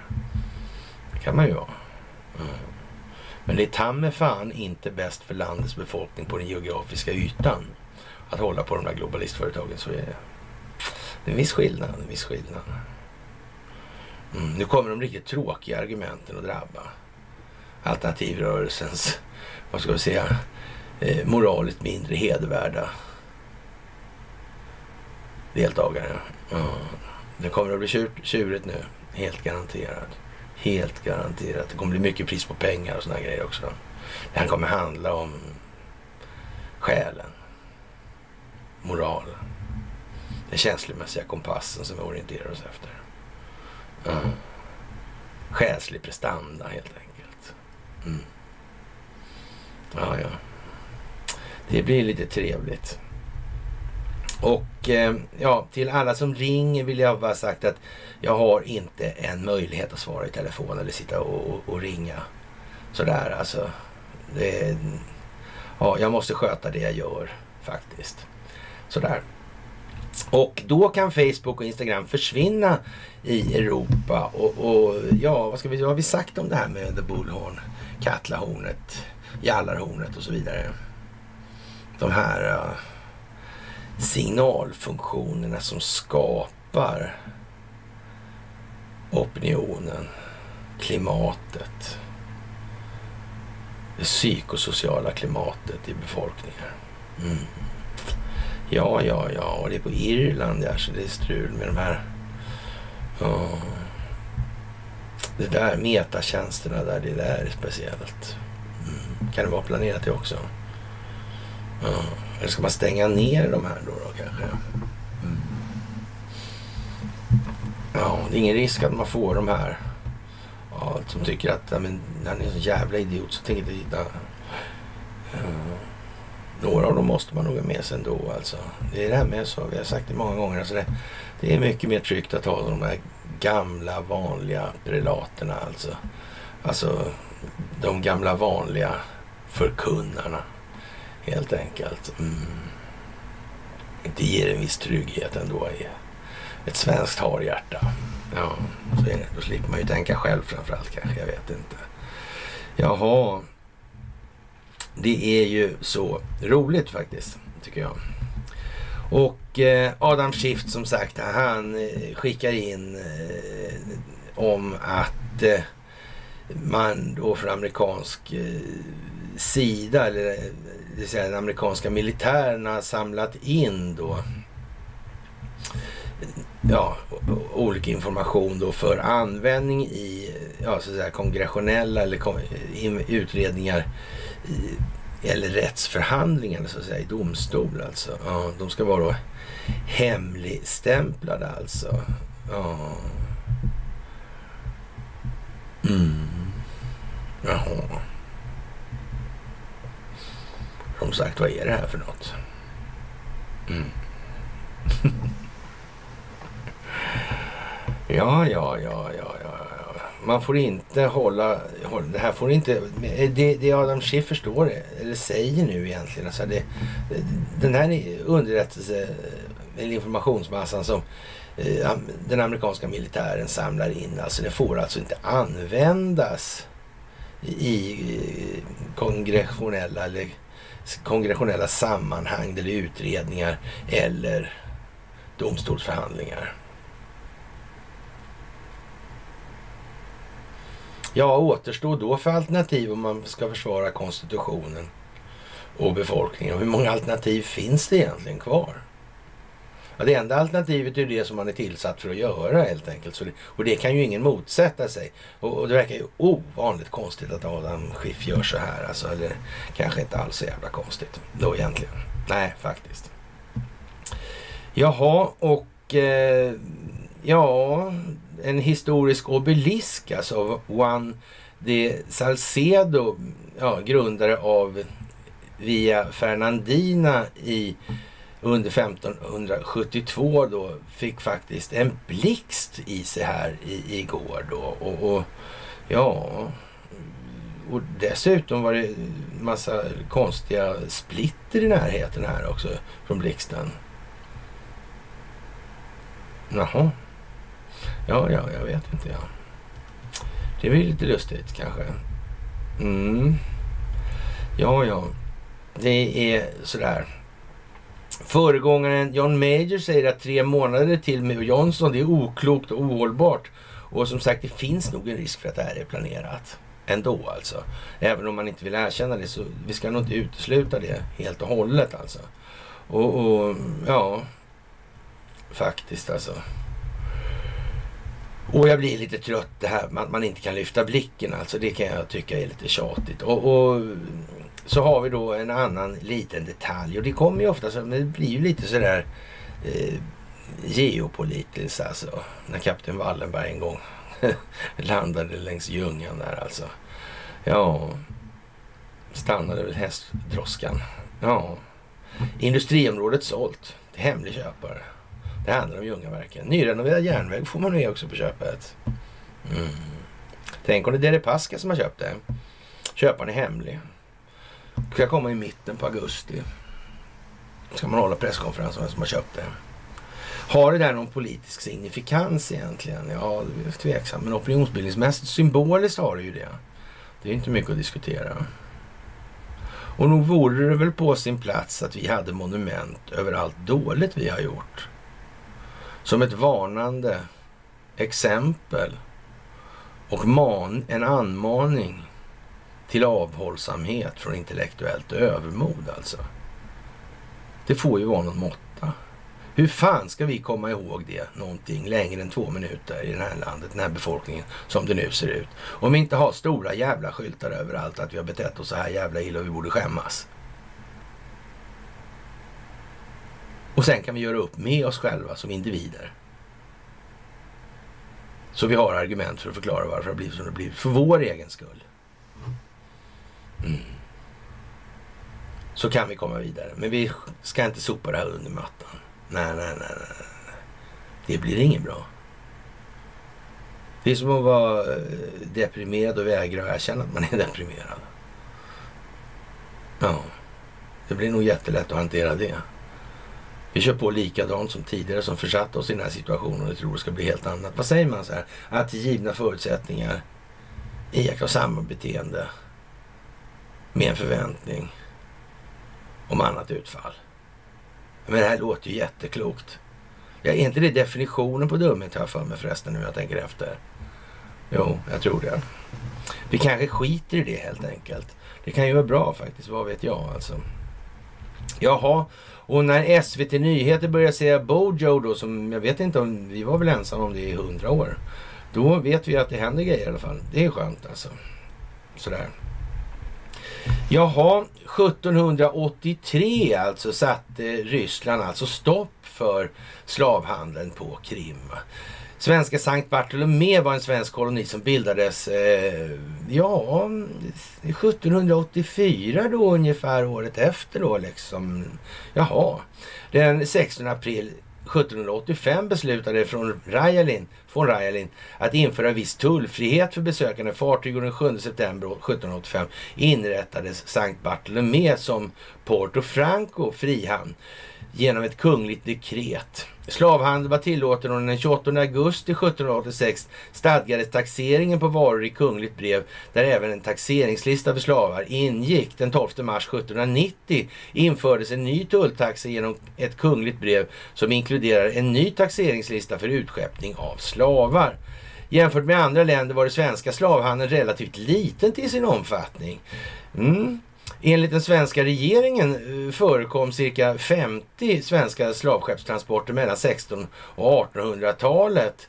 I databasen Transatlantic Slave Trade Database finns, eh, ja, 1283 alltså slavar registrerade som anlände till Sankt Bartolomé. Av dessa var, hade 421 transporterats på brittiska fartyg, eh, ja, 536 på danska, baltiska fartyg, 250 på franska fartyg och 76 på amerikanska fartyg.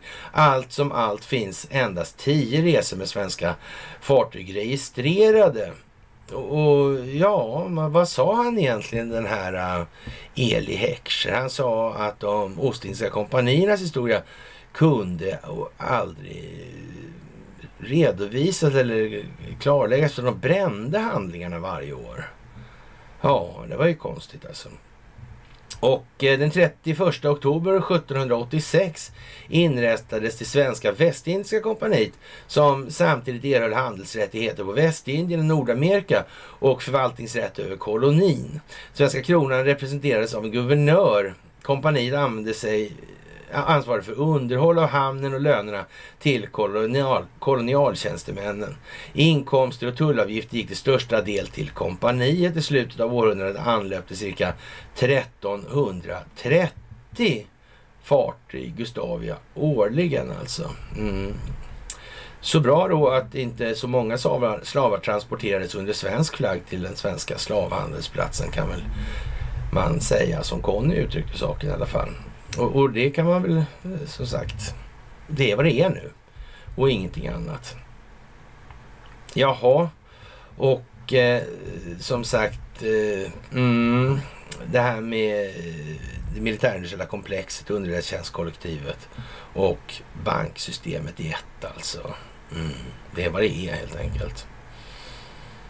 Men det är slut nu. Så är det också. Det är slut nu. Det är det.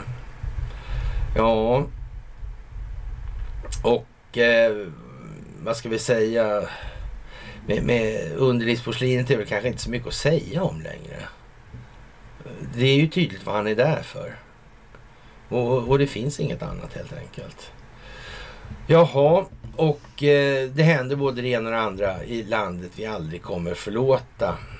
Som, som vi aldrig kommer att förlåta enligt Maggot då. då. Och, och, nu har man då i eh, England alltså eh, arresterat eller frihetsberövat då, eh, ja, säga 40 personer då sådär. Och det, det är ju inget litet sånt här. Eh.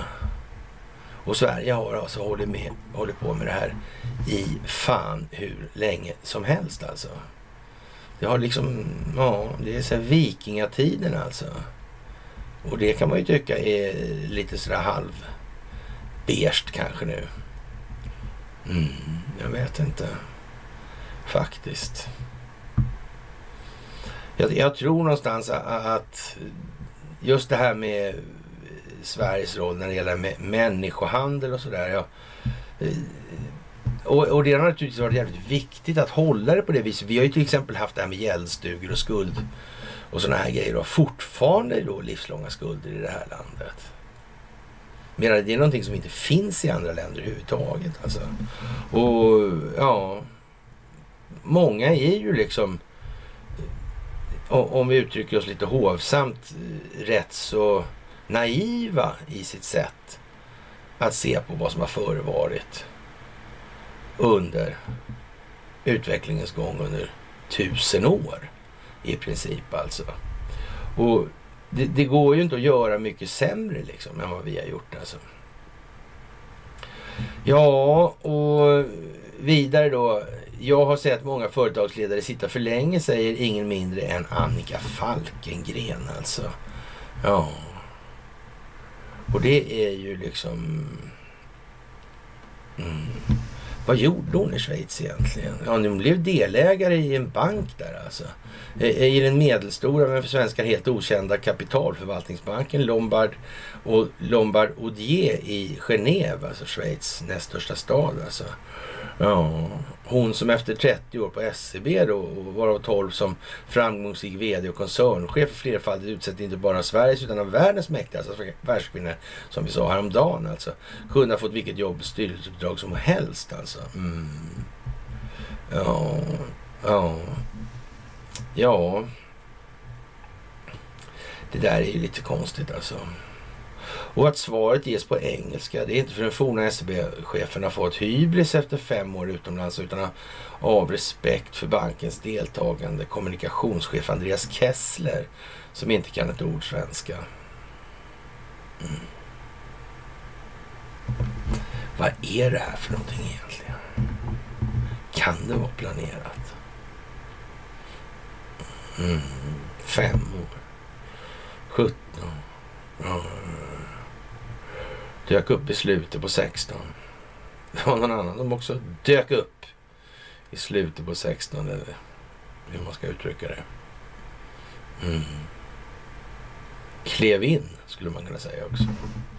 Ja, jag vet inte jag. Tror de har tänkt på det här? Ja, jag vet inte. Ja, Ja, eftersom vi bara är sju som äger och leder banken blir vi som entreprenörer som tar hand om andra entreprenörer. Eh, det är en av de saker jag tycker allra mest om. Alltså, om du leder ett börsbolag måste du bestämma dig rätt fort. Jag hade aldrig funderat på att sluta. Jag kände att jag inte var färdig med det operativa.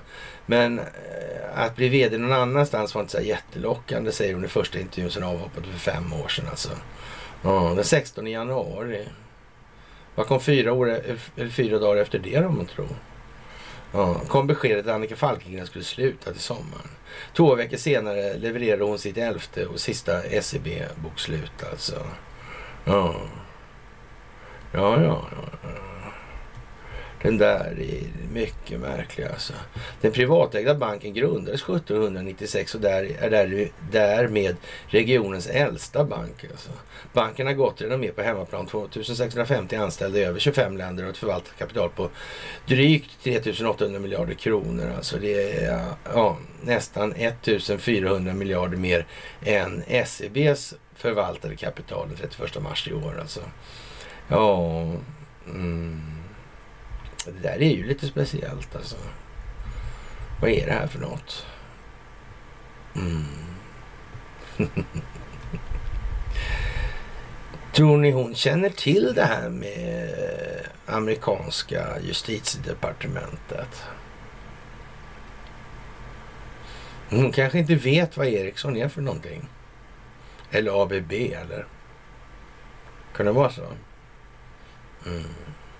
Ja ja, nej jag vet ju inte naturligtvis men det, det är klart att det, ja. Det där är lite speciellt alltså och frågan är banker alltså. Vad behövs de till egentligen ens? Jag vet inte. Speciellt i alla fall. Mycket, mycket speciellt får man nog säga att det är. Mm. Ja, plötsligt händer det ja. Precis. Det kommer bara sådär alltså.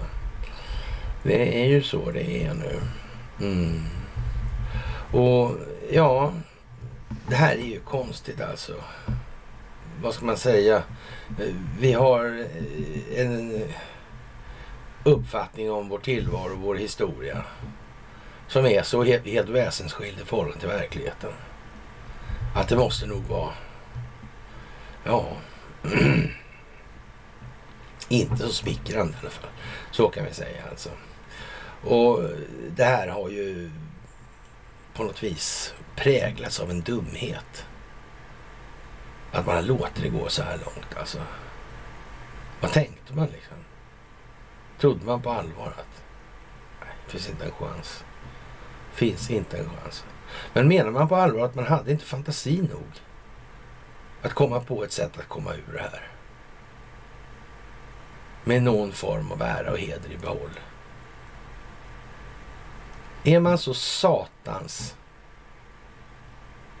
filosofiskt materialistiskt inpiskad så man kan inte helt enkelt? Ja, kanske. Jag vet inte alltså.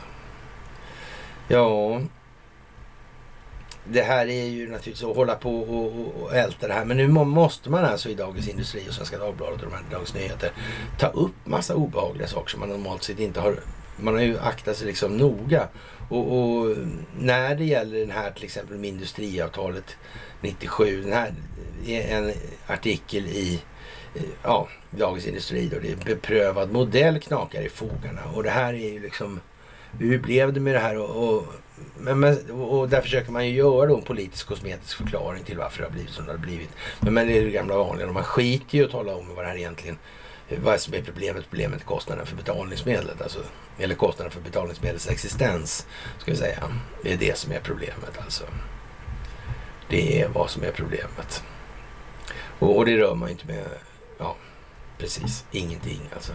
Det finns ju inte. Candace Owens, amerikanska där och, och som är kallad för rasist och eh, ja, jag vet inte. Allt de hittar på om i alla fall. Och för er då som eh, ja, känner att det här är upptakten alltså och till slutet och eh, att samhället inte har varit så här ondsint någonsin alltså. Då är det väl så här då. Det är väl som de säger på Mysen i Sverige då, skriver hon här. Ja, eh, det har alltid varit så här dåligt alltså. Ja. Eh, vi blir bara medvetna om det just nu, det är allt alltså. Ja. Och eh, vårt uppvaknande och vår ökande medvetna medvetenhet är vårt hopp alltså. I det här. Ungefär så säger hon. Man kan lätt dra det till det i alla fall. Så det är, ja, i slutet så vinner alltid godhet. Den enskilda eller ja, enskilda nyttan och filosofiska materialismen vinner aldrig till slut. Ensamhet är ingen väg framåt. Alla förstår det. Egentligen. Till och med de riktigt tröga i huvudet faktiskt. Ja, eller hur? Det är trevligt. Försvarets insatschef alltså. Han säger då att eh, ja, det här cornucopia-förslaget som vi har kört då och, och eh, Lars Wildräng där och han, han, är en monetär mekanisk idiot då, eller spelar teater då. Vilket han nu valt att göra, eller tvingad att göra, ska vi säga kanske. Så kommer det här corner-alternativet då, som jag länge har kallat det då, för det ja, ja. Och, och det kommer upp i ljuset av den opinionsbildningsmässiga verkligheten. Surprise, surprise alltså. Och nu varnar man då, försvarets insatschef, han varnar då för att eh, i, ett eh, mer extremt scenario utslät, utesluter insatschefen inte att Ryssland avfyrar en missil mot svenskt territorium. Ja, Förutsägbarheten är svårhanterlig och det gör att jag inte räknar bort den typen av extremhändelser. Som att till exempel avfyra en missil alltså. Eh, det kan vara i ofarlig riktning mot mål som egentligen inte har någon eh, militär betydelse eller innehåller befolkningen utan som en markering.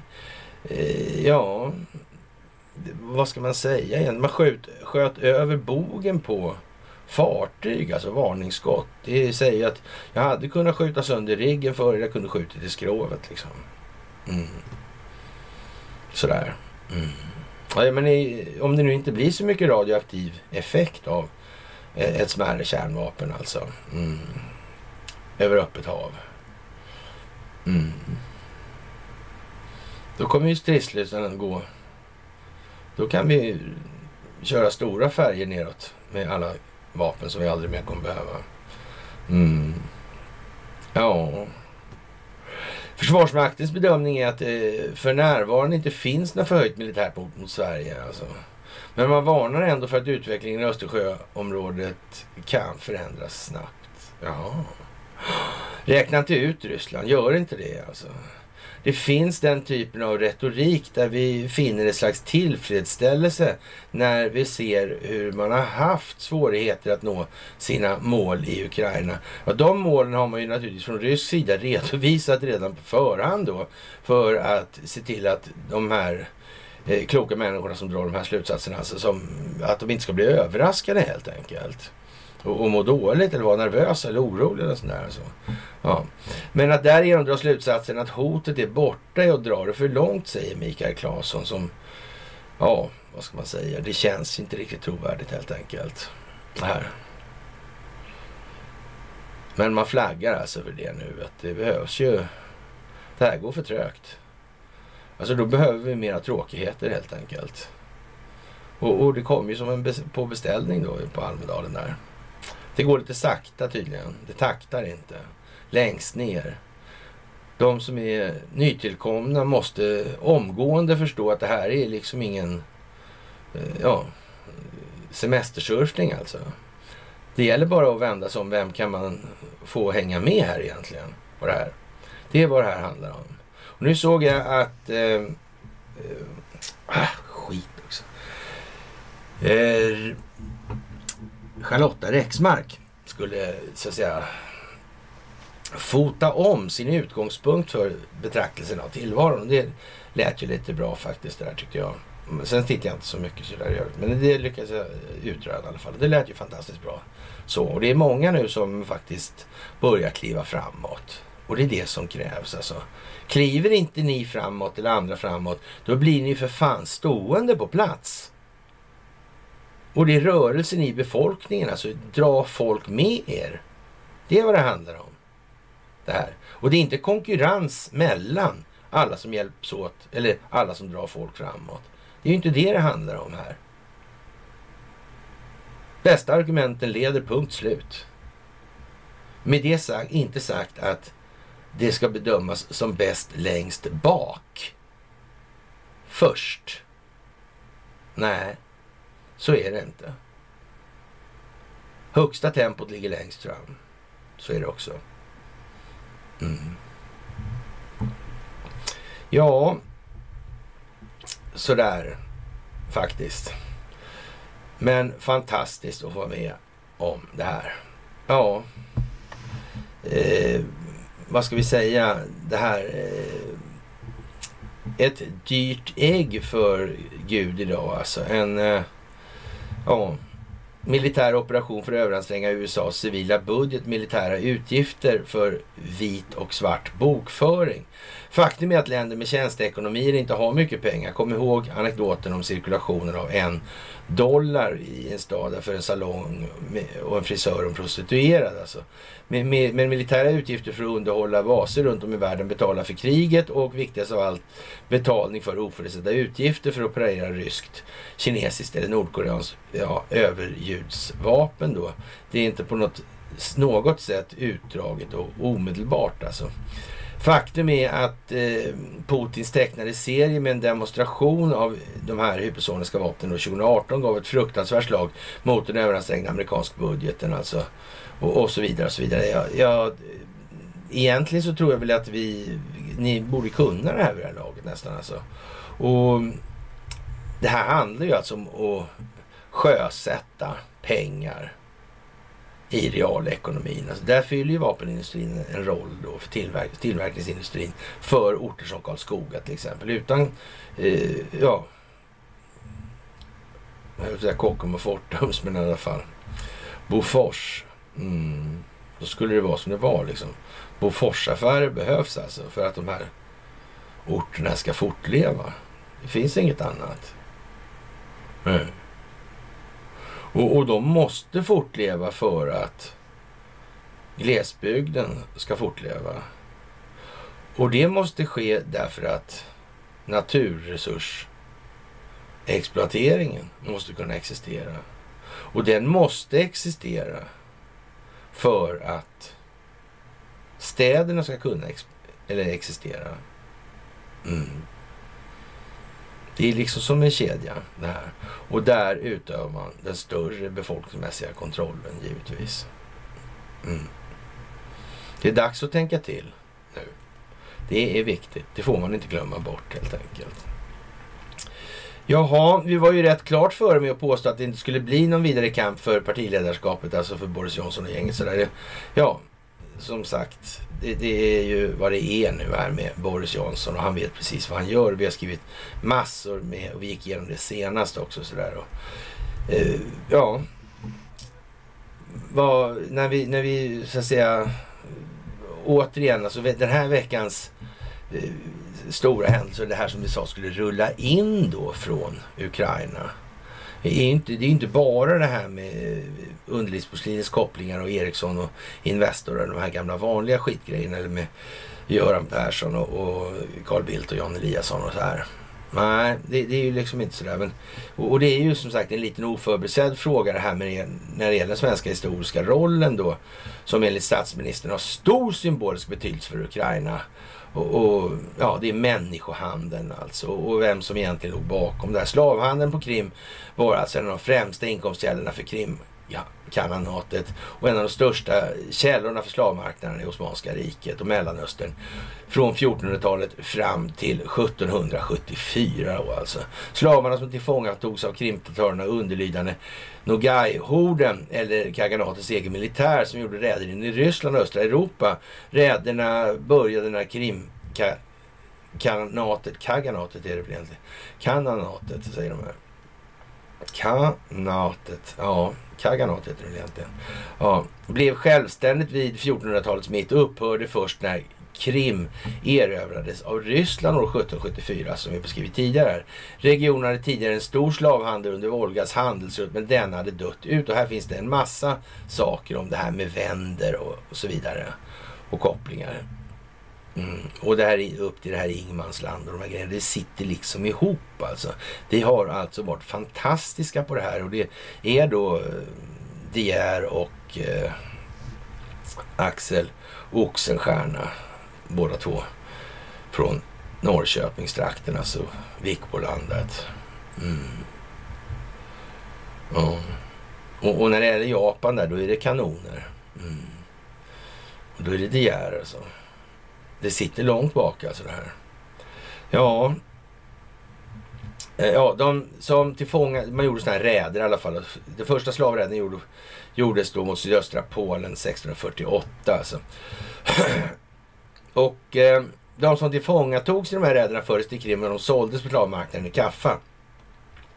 Och därifrån eh, vidare till Istanbul och Mellanöstern. Enligt islam fick muslimer inte förslavas, vilket innebär att den muslimska världen hämtade sina slavar från det kristna Europa och det icke-muslimska Afrika. Vita europeiska slavar Sakaliba betecknat högre pris än svarta afrikaner och slavhandeln på Krim var tillsammans med slavhandeln på Barbaresskusten den största källan för vita slavar till Mellanösterns slavmarknader och den främsta leverantören för europeiska slavar till Istanbul och till och med var det så marockanerna var ute och, och reste här och eh, ja, man plockade faktiskt folk på Island också, typ 300 pers vid ett tillfälle där. Och, och de, de enda länderna som undantogs och fortfarande betala avgifter till Marocko i de här sammanhangen. Det var eh, bland annat Sverige, då var ett land till. Då. Det var Norge eller Island, jag kommer inte ihåg. Ja, och, och det gjorde man ända fram till 1848 har jag för mig det var då. Mitten på 1800-talet i alla fall. Ungefär när, ja, så sagt. Hur var det där med den här banken? Ja, ja, ja, ja, ja, ja. ja. Det gällde ju naturligtvis. Mm. Jaha, och eh, slavhandeln på Krim upphörde när Krimkanatet lades under ryskt styre 1774 och därefter helt utplånades och inkorporerades i Ryssland 1783 och 1784 så var det full fart alltså. Ja, ja det var ju konstigt. Nej, jo så var det. Ja. Jo, det, det där är liksom lite speciellt nu, det får man nog säga alltså. Mm. Och jag vet inte, svenskarna drar ner på sparandet och hej och hå liksom. Och så vidare och så vidare. Och allt det här med avgångarna i ja, ministersammanhang i England är ju överspelat redan. Det gick ju snabbt det där alltså. Så snabbt går det här nu. Det går blixtsnabbt helt enkelt. Man har liksom, ni får hela sviterna på en gång alltså. Sådär, så det är bra alltså.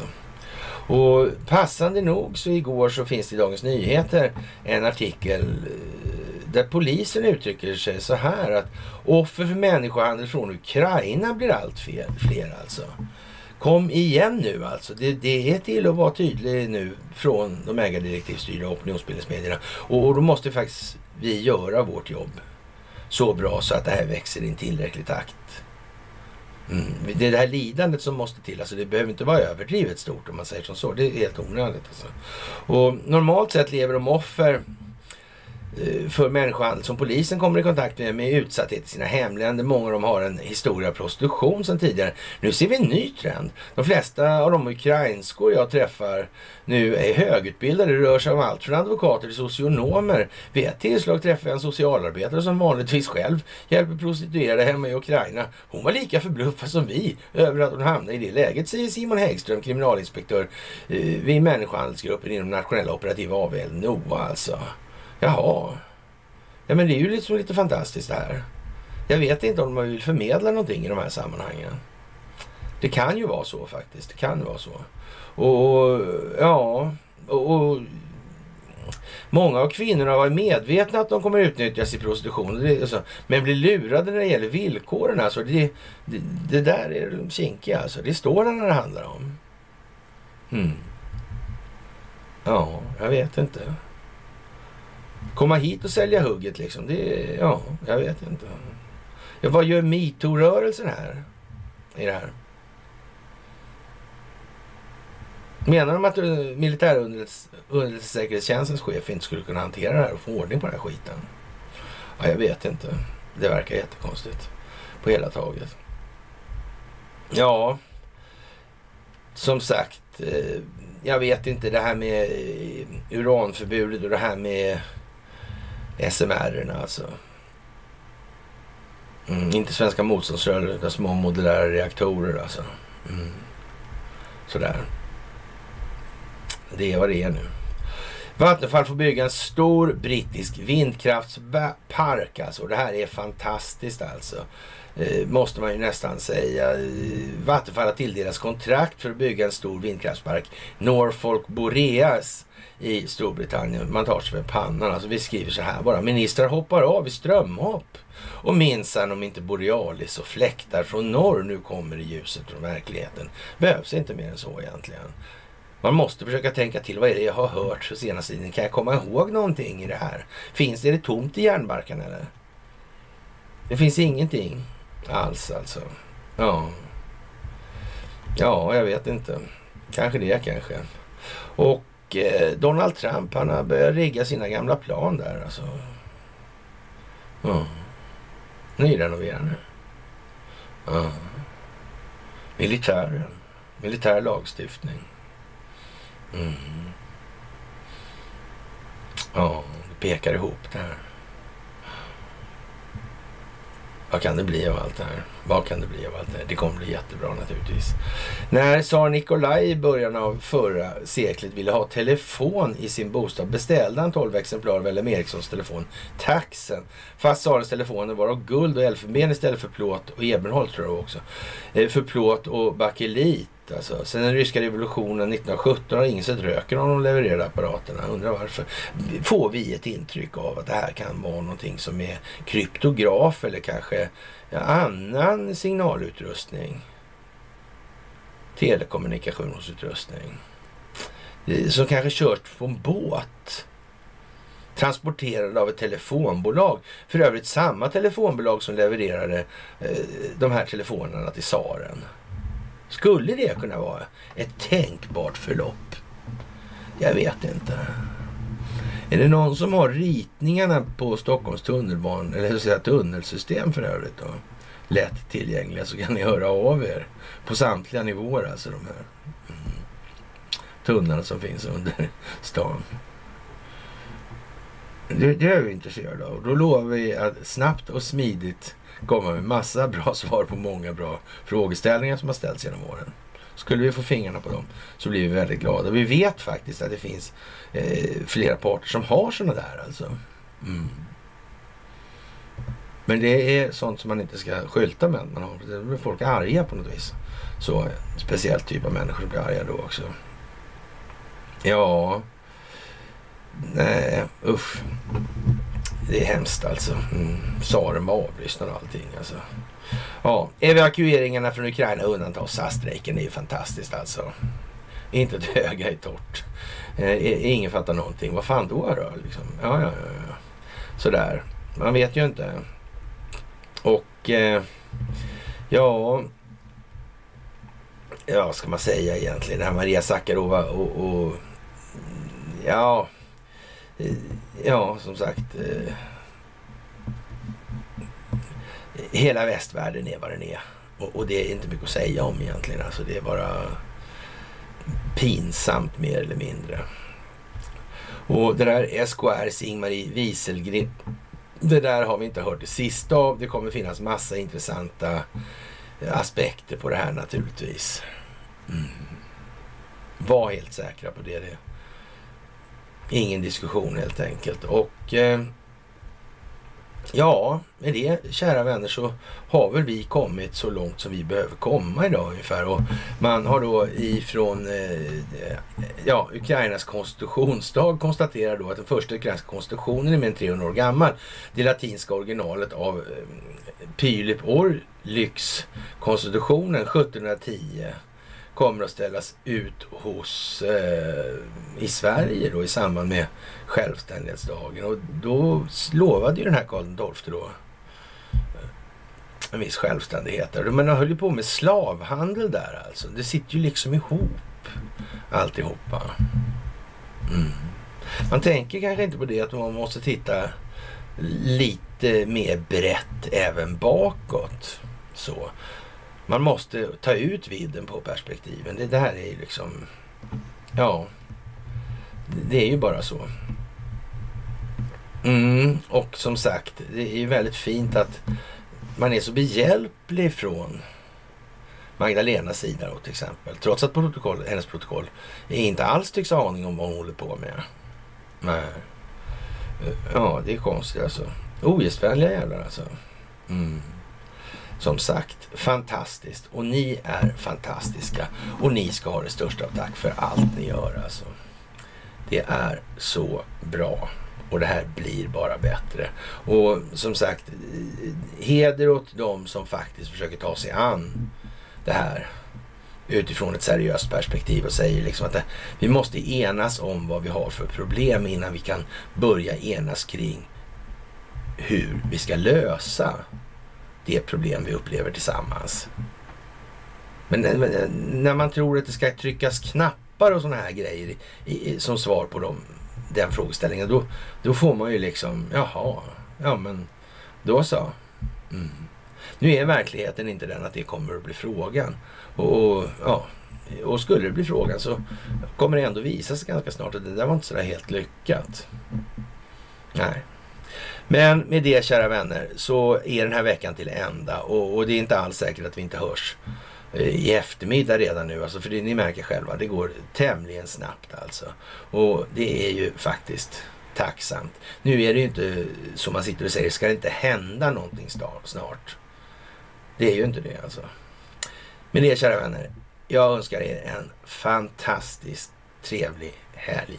Och ni är jordens spjutspets i det här globala folkbildningsprojektet. En trevlig, trevlig helg till er alla och så hörs vi absolut senast på måndag.